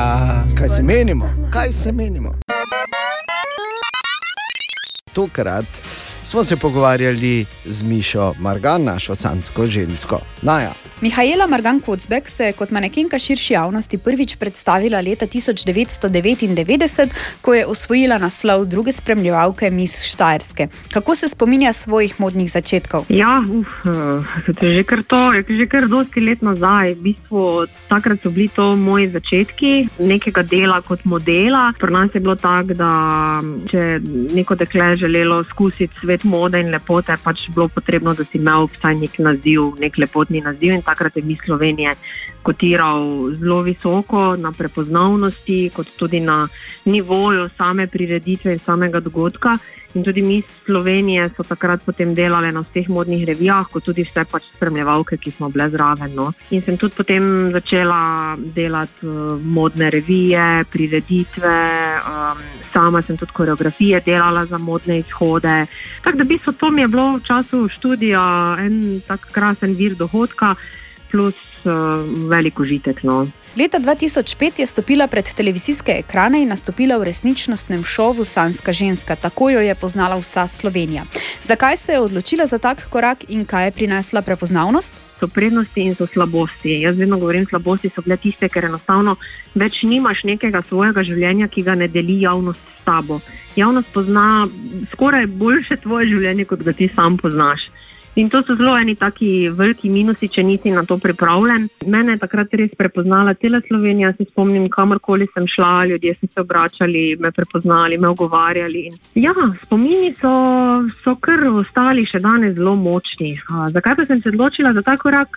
Ne vem, jaz sem takrat tudi spremljala um, tuje produkcije, sploh nemško, sansko žensko in je bila v bistvu res fenomenalno izvedena cela serija. In kera ženska si pa ne bi želela, da jo osvaja 25 moških? To je sansko, ne? to je res sansko. Ta izkušnja je pustila poseben pečat. Pe, lahko bi jih bilo 26, samo Bora niso vzeli, to ja. sem samo mislil povedati. Daj nehaj, no. No in potem, po, a, kaj se je dogajalo po tem eh, šovu? Ja, po končanem šovu je stopila v svet medijev, pisala je bloge, postala je novinarka in vrsto let pisala pod psevdonimom. Ukvarjala se je tudi z organizacijo raznih dogodkov. Ker je pisanje zelo blizu, je izdala tudi kriminalni roman Mesto prevar. Takrat po šovu Sanska ženska so me vsi nagovarjali, da napiši knjigo, napiši knjigo. In takrat so bile tudi te knjige nekih naših zvezdnikov porastu. Ne vem, Damien Murko je napisal, Suzana Jakšič, prišla je Kešpička z Urško Čepin. Kar naenkrat so vsi pisali in takrat so tudi pol mene za- začeli snubiti, da nekaj napiši, nekaj napiši. In jaz sem se sedla res za računalnik in sem začela nekaj pisati. Ampak na koncu sem videla, da me to ne izpolnjuje v smislu, da bi jaz zapisala neko zgodbo o mojem življenju. Ker prvo kot prvo je to moje življenje, ne vem, če koga zanima moja zgodba. In potem sem kar naenkrat zajadrala v neke vrstice, fik, ne, v neke fikcijske zgodbe. In potem sem v bistvu po desetih straneh te napisane fikcijske zgodbe to upoštila in vse, na vse skupaj pozabila. Po pa je minilo deset let in sem jaz na enem od diskov našla to zgodbo in se mi je zdela ful lušno nastavljena. In pa sem kar naenkrat zajadrala, začela pisati in sem napisala v enem poletju polovico knjige, v drugem poletju drugi del knjige. In pol je v bistvu nastal res ta kriminalni roman Mesto prevar oziroma ta kriminalka, uh, ki je bila tudi v bistvu zelo dobro sprejeta. In uh, zdaj sem delam že na drugem delu, sicer malo bolj počasi glede na vse skupaj, kar se dogaja, ampak pač pri pisanju knjige pa kriminalke ni to tako enostavno. Um, Vmes sem napisala tudi eno pravljico za otroke, ki jo zdaj ravno urejamo do konca, in pa kuharsko knjigo, tako da v bistvu kar na tri različna področja. Um, tako da vesel, mislim, veseli me to, kar počnem in knjige, izdaja knjige, zagotovo sodi v to zraven. No. In kaj počne danes? Trenutno sem se preusmerila, pač tako kot vsi, pišem knjige in pa predvsem veliko pomagam tudi možu v družinski oljarni, ki jo imamo. Tam je ogromno dela, zdaj smo trenutno v sanaciji objektov vseh in potrebuje tudi moje roke, kar mi ni problem, ni mi težko. Jaz sem bila vedno človek, ki sem rekla, da se bom vedno znašla, vedno bom delala, ne glede, če hočeš delati, delo najdeš in zatem vedno stojim. Če gledam zdaj na mojo dejavnost, na dogodke in prireditve, ki se je zaprla lansko leto, dejansko moje podjetje stoji, ne dela nič, ne morem delati nič, um, se pač znajdeš na druge, na, na druge načine. Ja, in seveda tudi miši želimo, vse dobro vemo, in smo slišali, ni nas strah, da bi karkoli bilo narobe. Ne? Uh, sploh pa, uh, veš, če si enkrat imaš toliko bučnega doma, to ne more biti slabo. Ana Borindejan, želimo dobro jutro. Dobro jutro. Okay, in zdaj, da bo vsem skupaj jasno, zakaj sem jaz verjetno najsrečnejši človek v severovzhodni Sloveniji danes zjutraj, ali vam lahko preberem en mail, ki sem ga dobil Daj. dobesedno, dobesedno, par minut nazaj. Piše okay. takole: cestitke. Zaradi pandemije koronavirusa so se OZN odločili, da bodo toliko ljudi po vsem svetu nagradili s po 5 milijonov evrov. Vaše srcanje je bilo med srčnimi dobitniki. Če želite prejeti nagrado, nam pišite na bla, bla, bla, bla, s polnim imenom, državo in telefonsko številko, poklicem in mesečnim dohodkom. Podpisani, pazi, Združeni narodi. Edino, kar me malo preseneča, je, da so pa pri podpišite, pa so imeli šumnik. Ja, Ja. ja. že pa še so. Že pa še, ja, A, čujem. čujem. Že jo delajo. ni. Razumem. Ja, tipično za Združene narode, ne? Če v takem času, ko živimo, ne, odpiši dan. Ja, Nikoli seveda. Komaj čakam, pa me naš računalničar zakolje, ker verjetno vsi virusi na tem svetu gor skočijo. Če dobiš taki mail, da ne bi slučajno kdo kaj odpisoval ali klikal na link, ki je notri, prosim.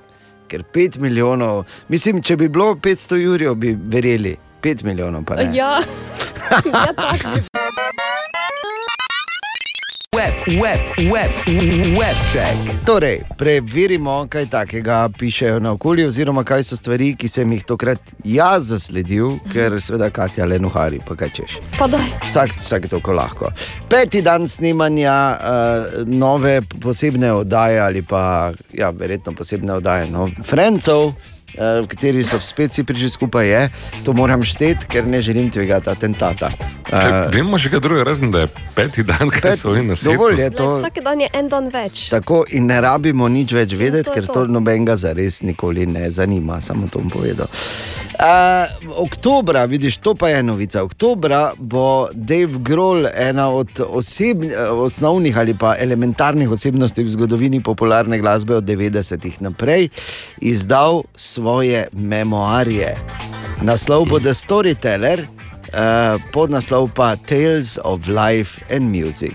Dave Grohl je legenda v vseh pogledih, predvsem pa izjemno uh, zanimiva in srčna osebnost. In jaz moram reči, da osebno komaj čakam, da Storyteller pride ven. Malo manj, ker imamo oktober rojstni dan, pa pol to tako sopada. Ampak, glej, ideja za darilo pa je že zdaj. Ne?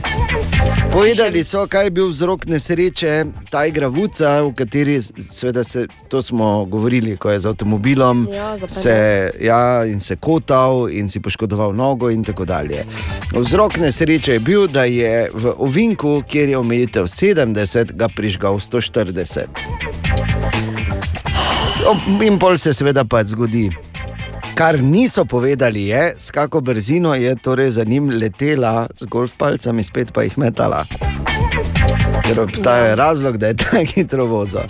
In pa to ste zagotovo videli, na Pagu so uh, ulovili, oziroma en ribič vlovil največjega škampa, verjetno na svetu, 43 cm je bil dolg. Lepo, ne? To pa je, ker škampe smo navajeni, da so mali, bolj ti jih bolj pogosto ješ. Škampički so mali. Ja, Ja, Ampak veš, kot tukaj cele, je pa pomembno, tako dobiš. človek ni amater, on že 40 let ribi in je rekel, ja. kaj takega se redko vidi. Je pa pri Paškem mostu, mislim, da ga je nekaj vom vjajo, te veš, ki se zbirajo. Ja, Te tam veš, so. ki se zbira. Ja, no, tam spodaj glej. se držijo. Tam spodaj se držijo. 43 cm, kar mnogi So pravijo, da je ja. celo uh, svetovni rekord. In hkrati, hkrati je ta ribič naredil tudi to, da je uničil veš, vse, ker na pago se je marsikdo la- lagal o dolžini škampa. Ne? Zdaj več ne bo šlo. Webcheck. Želimo še enkrat dobro jutro. jutro. Dobro jutro. E, in se mi zdi, da danes super jutro tudi, da, uh, da razbijemo še en mit, ki je namenjen, oziroma ta informacija, predvsem mladim staršem, oziroma staršem mladih otrok, da jih ne bi, uh, bogereve, že po nepotrebnem maltretirali. A, prisoten? se mi zdi, ja. Okay. Uh, že slišal za tako imenovani Mozart efekt? Tako se zbudiš, pa imaš simfonijo v glavi, ali kaj je Mozart Ne, efekt. ne, ne, nisi slišal za Mozart efekt. To je, uh, ko že uh, dobrih 30 let uh, velja ta urbana legenda, oziroma urbani mit, da če daš malemu otroku Mozarta za poslušati, da bo bolj pameten kasneje v življenju. Tako imenovani Mozart efekt. Okay, da naredimo dolgo zgodbo, precej krajšo, ni res. To je pač vedno tako, se zgodi, en ima neko dobro idejo, enega nekaj zanima, en gre nekaj narediti, drugi vzame samo to, kar se mu zdi eh, primerno in pove naprej, tretji vzame od tega še manj in Ja. bolj. Je Namesto, da bi se reakcija. na pametne nasvete osredotočili, kot je recimo Crosby, Stilze, Neš, absolutno pomagajo pri spavanju, okay. samo mora biti komat in my life, naredijo. Ampak ne gre za uspavanje, samo malo, ne gre za Ja, vem, uspavanje. se, gled, ampak tudi je orodje, ne? Ja, ampak Mozart efekt je vse splošno prepričanje, da bodo otroci, vsi doktori znanosti, če to poslušajo, ko so mali. Temeljito vse skupaj na študiji, ki so naredili na University of California v mestu Irvine, in je sploh zanimivo paziti, niso delali na dojenčkih, niti približno, ampak na študentih. V raziskavi je sodelovalo celih 34 osebkov. Uh, morali so opraviti serijo nalog, potem ko so bodi si imeli 10 minut tišine ali poslušali Mozarta 10 minut. In rezultat te raziskave je bil. Rezultat, ki ga nis, ki je raziskave, ki jo niso delali na dojenčkih, in v kateri je sodelovalo le 36 osebkov, v eni nalogi, torej v nalogi, kako bi list izgledal, če bi razdrli origami, so bili tisti, ki so poslušali Mozarta, malo boljši. Pa. Ampak pazi, efekt je trajal celih 15 minut. Zakaj torej še vedno o Mozart efektu govorimo? Ker je seveda zelo privlačna teorija. Tako zelo privlačna, da so recimo leta 2010 naredili še enkrat vrsto raziskav, ki pa so bile bolj poglobljene in ugotovili, morda je nek mali efekt, ampak spet traja le zelo omejen kratek čas. Pa je bil ta efekt sploh povezan z Mozartom? Na kratko, ne. Katera koli glasba deluje, še več, audio knjiga, podcast, pite kave, ples, karkoli te razveseli, dvigne tvoje kognitivne sposobnosti za kratek čas, torej za kakih 10 do 15 minut.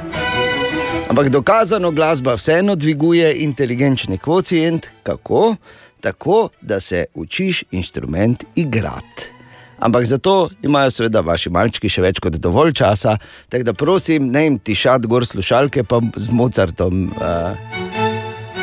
Uh, Mislim, vse to je vse res, ne samo. Zelo kratka anekdota, da glasba ni vedno rešiteljica vsega. Včeraj zvečer po sestanku uh, je dejan šel od svoje mize in njegov sin Gašper mi je kar videl, da je pač striček Bor zelo utrujen, zaigral za lahko nočeno skladbo, neka iz nule, neka španska romanca, sem samo oke so mi padle. Ja. Po pa hitro še en glasbeni test, ne, pa je bil kjer je to, pa sem prvega trofo po sreči, prejel pa fis, ne, pa sem že mrkno in sem bil jezen še 15 minut. Tako Da, viš, v, obo, v, v obe smeri deluje glasba. Ne? Res je. Ampak ja. zdaj smo sicer bolj govorili o otrocih, ampak lepo, da si se našel. Ja, sej, otrok je bil v zgodbi, striček pa še fis, kaj bi radi. Imaš prav, s No, tem se vidiš. človek ne more kregati. Ena od treh, treh, treh. Jutranji sprehod po zgodovini popularne glasbe. In tako se danes ustavimo pri še eni legendi in sicer, če rečem Brian Secer, na kaj najprej pomisliš, Bor? Ker Ana je premlada, zato sem te vprašal. Oziroma Brian Ne, Robert je, Secer. čakaj. Neznano ti je.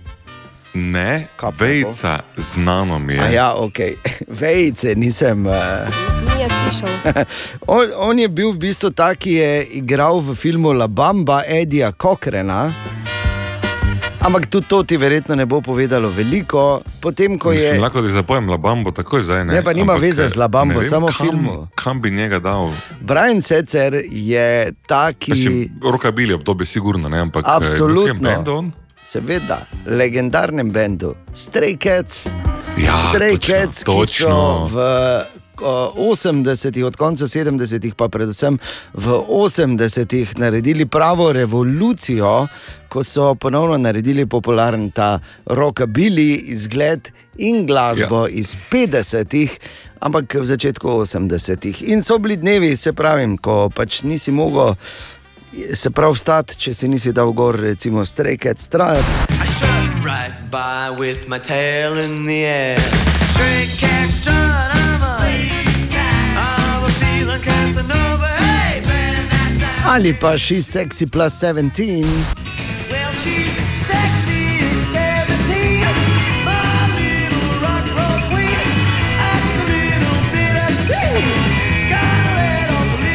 In pa jasno, da rock this town.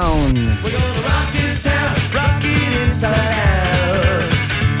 We're gonna rock this town. Ja, kasneje in še vedno Brian Secer ga žge okoli svojim Brian Secer orkestra, ki igra tako um, zelo zanimivo swing glasbo. Ampak, eh, ko pogledamo glasbeno zgodovino, njegov prispevek, njegove solaže, njegova kitara, strekec, predvsem hitu Rock This Town, nimaš kaj. Ne? Ja, in ker gremo v rok distan, veš, ja. nimaš kaj. Takoj po glasih, nimaš kaj. In minili so časi, ko je Ana kot eh, tezenska princesa vladala v igri skoraj nemogoče vprašanje. In časi Žal tudi časi, ko je bil samo en zmagovalec in noben drugi. Res Torej je. jaz. Res, kdaj pa je te to bilo? Oja, je bilo, je. je. O ja. Lahko jaz potrdim kot kronist. Skoraj nemogoče vprašanje, torej ko je vprašanje veliko bolj spektakularno od odgovora ali pač. Tudi danes na podlagi dognanj iz Evropske unije. Eh, tiče se tudi nas, kar pa ne pomeni nujno, da bo kaj lažje. Ugotovili so, da bi pet odstotkov vseh, se pravi, da ni tako gromozansko veliko število. Ne? To je pravzaprav nič. Ampak vseeno, pazi, poslušaj dalje. Pet odstotkov vseh se raje en mesec ne bi tuširalo, kot pa da ne bi imeli tega. Čokolade. Ni Kave. čokolada, ni kava. Hrane, kakršne koli. Ne, Avtomobila, Uh, ne, čakaj, čakaj, čakaj. Gremo, gremo, gremo v drugi smeri. Uh, partnerja. ne, ne. Ja, brez česa še pa te ne moremo. Smo vse Čakaj, malo, naštela. ful, ma, ne, ne, ne, ne, obratna logika, malo jih ful ne more, torej večina lahko s tem. Jo. Ne, ne, ne, da ne more ne. ali pa lahko s tem. Pet odstotkov ima to, ta, tak ne more živeti brez tega, da se en mesec ne bi tuširali, raje, kot pa da ostanejo brez tega. Odgovor je na dlani, pravzaprav pa ga ne vidite, ne? ker je pred vajnim nosom. Ja. Č- gl- Jaz, jaz ne vem zdaj več. Čakaj, za torej 5%. Ja. Mm, Ne se koncentrirati na 5%. Koncentriraj se raje na to, da so se pripravljeni tuširanju in umivanju odpovedati za en mesec raje, kot pa da bi bili brez tega. Mila, Ne, deodoranta. ne.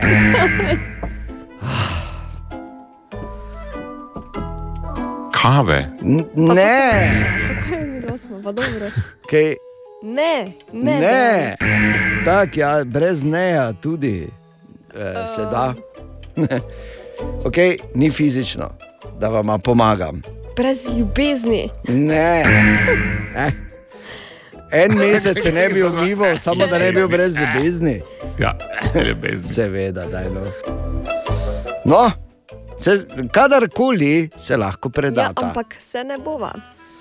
Zakaj bi se predala? Do Ja. ja. drugega dnevnega lahko gremo jaz tako. Se mi zdi, ja. Brez televizije. Ne. Brez radia. Če si rekel, če da ne moreš prijeti, ja. ne moreš prijeti tega. Mislim, v teoriji ne moreš tega prijeti. Čeprav na področju kvantne fizike bi ga verjetno lahko držal, ampak eh, recimo, no, da ne moreš tega prijeti. Ne, denar lahko primeš. Ne? Eno zadnje čase bolj. Je se vseeno, ampak Če zelo malo. je. teoretiziramo. Ne, V teoriji lahko primeš denar. ne? Okay. Torej, 5 odstotkov. Oh, naš telefon je nič 2, 290, 90, 90, če bi Pomoč kdo rabimo, pomagal, te- eh, pa uh, probal, uh, da vidimo, kar z prve. Halo, dobro jutro. Jutro, Martina tu. O, Martina, daj prosim, pomagaj mi, ker uh, Ana in Bor absolutno ne vesta, kaj je to. Torej, kaj ti praviš?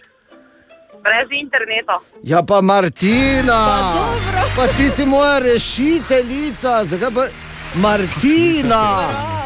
Ja, pa glej, pa kaki Tega spomnila. Marelo, vijolično, Marelo, radio City, Martina, ti moram kar dati zdaj, veš? Iz prve, Oh, Martina, svaka čast. hvala. Absolutno, bravo, Martina, bravo. Vedel sem, kaj, Bor, jaz sem čutil, Martina. je. Čutil sem, da bo uh, potrebno, da Martina pokliče, ker mi bi lahko bili tudi do tretjega dnevnika, pa ona dva ne bi ugotovila. Še malo si rekel. Martina. V sto letih mi ne bi na pamet padlo. Te zebe kaj danes? Ne. Okej. Lepo volte pa, lepo. A, ok, lepo. Uh, imaš planirano kaj velikega čez vikend? Um, razen tega, da delam jutri, nič kaj. O, boga. Pa kaj češ, vse smo, veš kaj. Ne? Boljše to, kot pa. Kot pa si brez Da, interneta. ne, da si brez interneta. Znam, da nisem brez radia. O, lepo, Martina nas veseli, mi ti želimo čudovit vikend in eno vijolično marelo Radia City zate, ker si me rešila in ker seveda eh, rade dam. Hvala lepa. Lep dan, lep vikend, Martina, hvala ti. Enako. Dio. Adijo. Dobro jutro. Dobro jutro. Dobro jutro. Veš, kaj rečemo mi pri nas, ko je četrtek, pa rečemo, da je mali petek, ne? Marsikdo. Ja. to reče. Četrtek že začnejo misli uhajati proti vikendu, in uh, mi smo pač taki, da se dosti menimo, pa včasih tudi bolj malo naredimo. Kaj to pomeni? Točno to, kar sem rekel. Še korak, dva, tri pred nami, pa so sicer pregovorno hladni in emotivno zaprti skandinavci. Ampak so daleč od tega. Veš, kaj delajo oni ob sredah?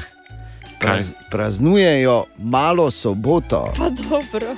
Dejansko ob sredah.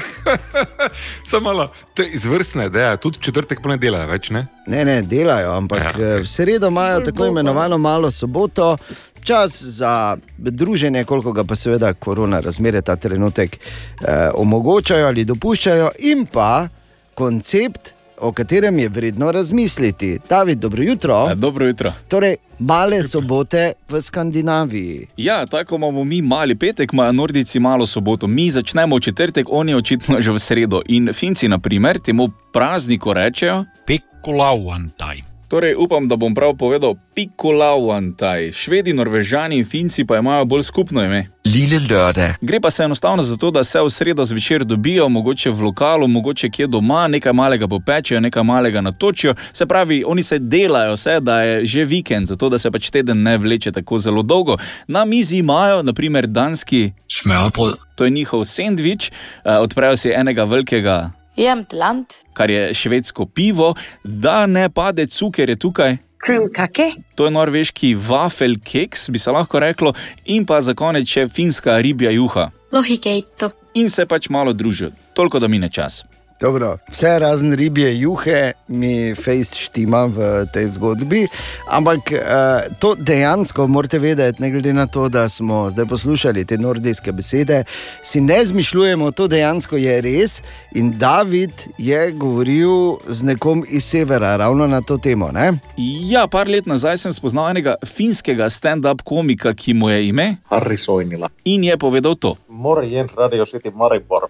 Tässä on Soinila Harri, suomalainen stand-up-koomikko ja mä olen täällä ihan vaan varmistamassa teille, että kyllä Suomessa vietetään pikkulauantaita keskiviikkoisin ihan siksi, että meillä on sitten kokonainen päivä aikaa toipua ennen oikeata viikonloppua. Ja, no, tako je rekel.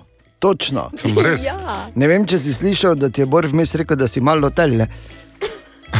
In pol nadaljeval.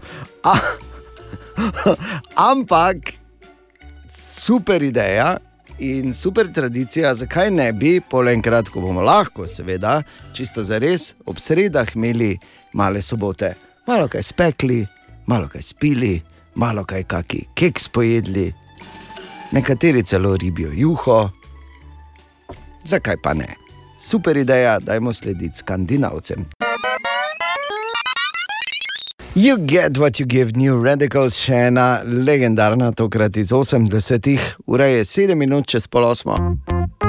O, Tine! Dobro jutro, Tine! Dobro jutro, Tine, kje si hodil, kako si spal, kako je? Dobro jutro vsem. Kak je bilanca? V tvoji hiši, Bor, tudi. ja. A gugu, gugu. Ne. Tako. Ali že razume? Uh, ja, posluša novice. Ja, pa se zaglava zjutraj drži. bile, a gu, gu, gu, aha, a ti je. A ti je. Um, čakaj, da vidim, če ima kaj za tebe. Ja, ja, a ti je šport govori. Ne more me vloviti, ker je na tekaj, tekaj. Prosti. Okay. Ti pa res ne Kar moreš za loviti, tebe ne moremo, ne, Ja. žal več reči. Oj, oj. Res moram reči. Zadnje si, si tam eh, maraton laufa z onim, samo ni se zrušil, pol ti si pa se zvlekel. na koncu, ne? in si se zbrisal iz knjig, A, oziroma iz papirusov. Torej, uh, če se premaknemo od uh, Borove čudovite hčerke, ki je res zelo lepa, čisto to je, ne vem, če ni od poštara. Uh, Tine, ja. kaj imamo za ta petek, je, se veš? Petek je, petek ja. je. Petek priporočeno hodim. Tako. Nisi bil doma, ko se je podpisalo, ne? Ljubi. Ok, ok, ok, gremo dalje, gremo dalje. Pa, daj na Gremo dalje, pauzo. prosim, ja, Ja. moram Svinski petek imaš, ne? Ja, vidim. Bor, ja. Ne, Bor, ti. ti, kaj jaz? Ja, ti, ja, ti je rekel, ti ne. Torej, Torej, eh, najstarejša oseba, ki je kdajkoli zrastel nov zob, je bila stara koliko? ja, res, no, če- 60. 72. 61. 61. Bliže. Mislim, Da se ni bilo za to tekmovanje. Bor. Ne, ne, ne, veš, Oziroma, kaj ja, čestitam, bravo, zmagal Ja, si. hvala. Dobiš najstarejši kaj. Dobiš upanje, da bo tebi tudi. Kak tebi tudi. A odkot mislite, da, ja, da jaz to vem? Eksersen. Reda je. Pa že ploska malo. Ja. To, a ti je v ti- formi. Gu, gu, gu, gu. A ti je zopet. Hvala ti, ne. Je z vama? Spustila je petek. Je. Aha, aha, aha, aha, aha, aha, aha, efekt. In zdaj aha efekt, ko Bor odgovarja na vprašanje Jakoba, ki ga zanima, koliko živih vrst na svetu je človeku nevarnih. Bor. Pa dragi Jakob, najprej se spomnimo groznih komarjev, tako za referenco rabimo. Ne? Okoli 700 milijonov ljudi vsako leto stakne kakšno bolezen od komarja, en milijon ljudi žal umre kot um, ne, v tej borbi. Ja, Ja. Ne, to, Komarji so v zgodovini ubili največ ljudi od vseh to, živali. to je dejstvo. grozno. A, Ja. In koliko jih vsako leto ubijajo želve? Nič. V celi zgodovini človeštva, vse, kar beležimo, narodne incidente, niti ena želva ni ubila niti enega človeka. Zdaj, ko ti gledaš na YouTubu video aligatorske želve hlastovke, kar je Vinko domnevno, ker zdaj smo ga videli enkrat, pa že to tako na hitro. To si en zmislil takrat, ja. ne? Ja. Uh, kaj ta želva z ananasom naredi, to je. ja. Ampak, To je eden najmočnejših ugrizov v, na svetu. seveda. sploh. Seveda. Ampak želva hlastovka nima te navade, da bi hlastala za ljudmi, in uradno ni zabeležen niti en incident za želvo hlastovko. Ampak želve lahko imajo bakterije na zunanji koži oziroma v klepu, uh -huh. prenašajo sal salmonelo, kar bi znalo biti nevarno. Ampak kako nevarno, niti blizu ne pridejo komarjem. Niti blizu. Okay. Skratka, uh, še enkrat čestitke za Vinkota pred leti, ne, ki naj bi strašil po Mariborskem parku, jedo uh, otroke in pol vozička zraven, ne, pa mamičino nogo do kolena. To naj bi vse. Uh, mimo grede, naj samo povem, ko si omenil te uh, aligatorske želve, mislim, da se jim Aligator, reče. aligatorske želve hlastovke, okay, nima Okej, rade tak- če jih že- ja. Tako jaz sem imel eno izkušnjo z njimi, pa nisem vedel. Uh, pred leti v Kanadi, v enem ribniku, kjer sem na 15 let, da sem šel ribe loviti v takem plavajočem fotelju, veš, pa plavutke na nogah, pa se tako premikaš, pa loviš ribe. In uh, gledam tako čisto brobo v tistem trsju notri, nekaj tak ven, neki špici so, ne? pa vprašam, kaj pa je to. A, snapping turtles, kao nič. A, tako, seveda, hvala lepa. Pa sem šel lepo, tip, tip, tip, so samo šle moje nogice, pa ven, hvala lepa, to je to. Ali tudi vi pogosto totavate v temi? Aha, efekt, da boste vedeli več. Dobro jutro. Dobro jutro. Dobro jutro.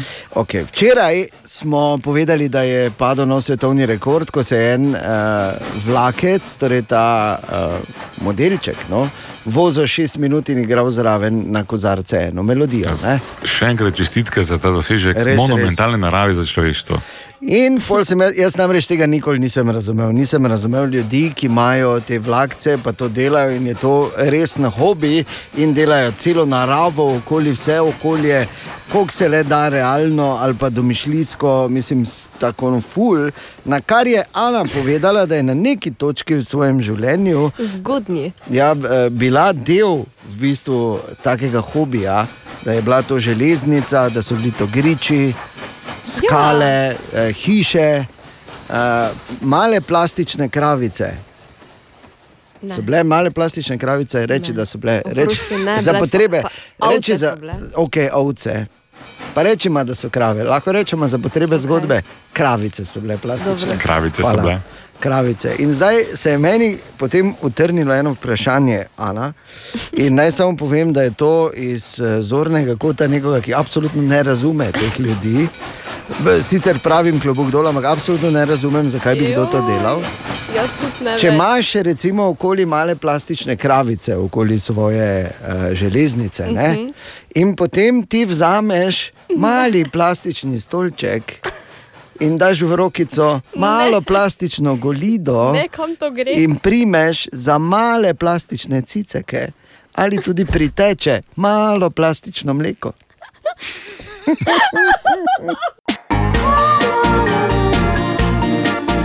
Dobra, mali in stari. Podcast jutranje ekipe.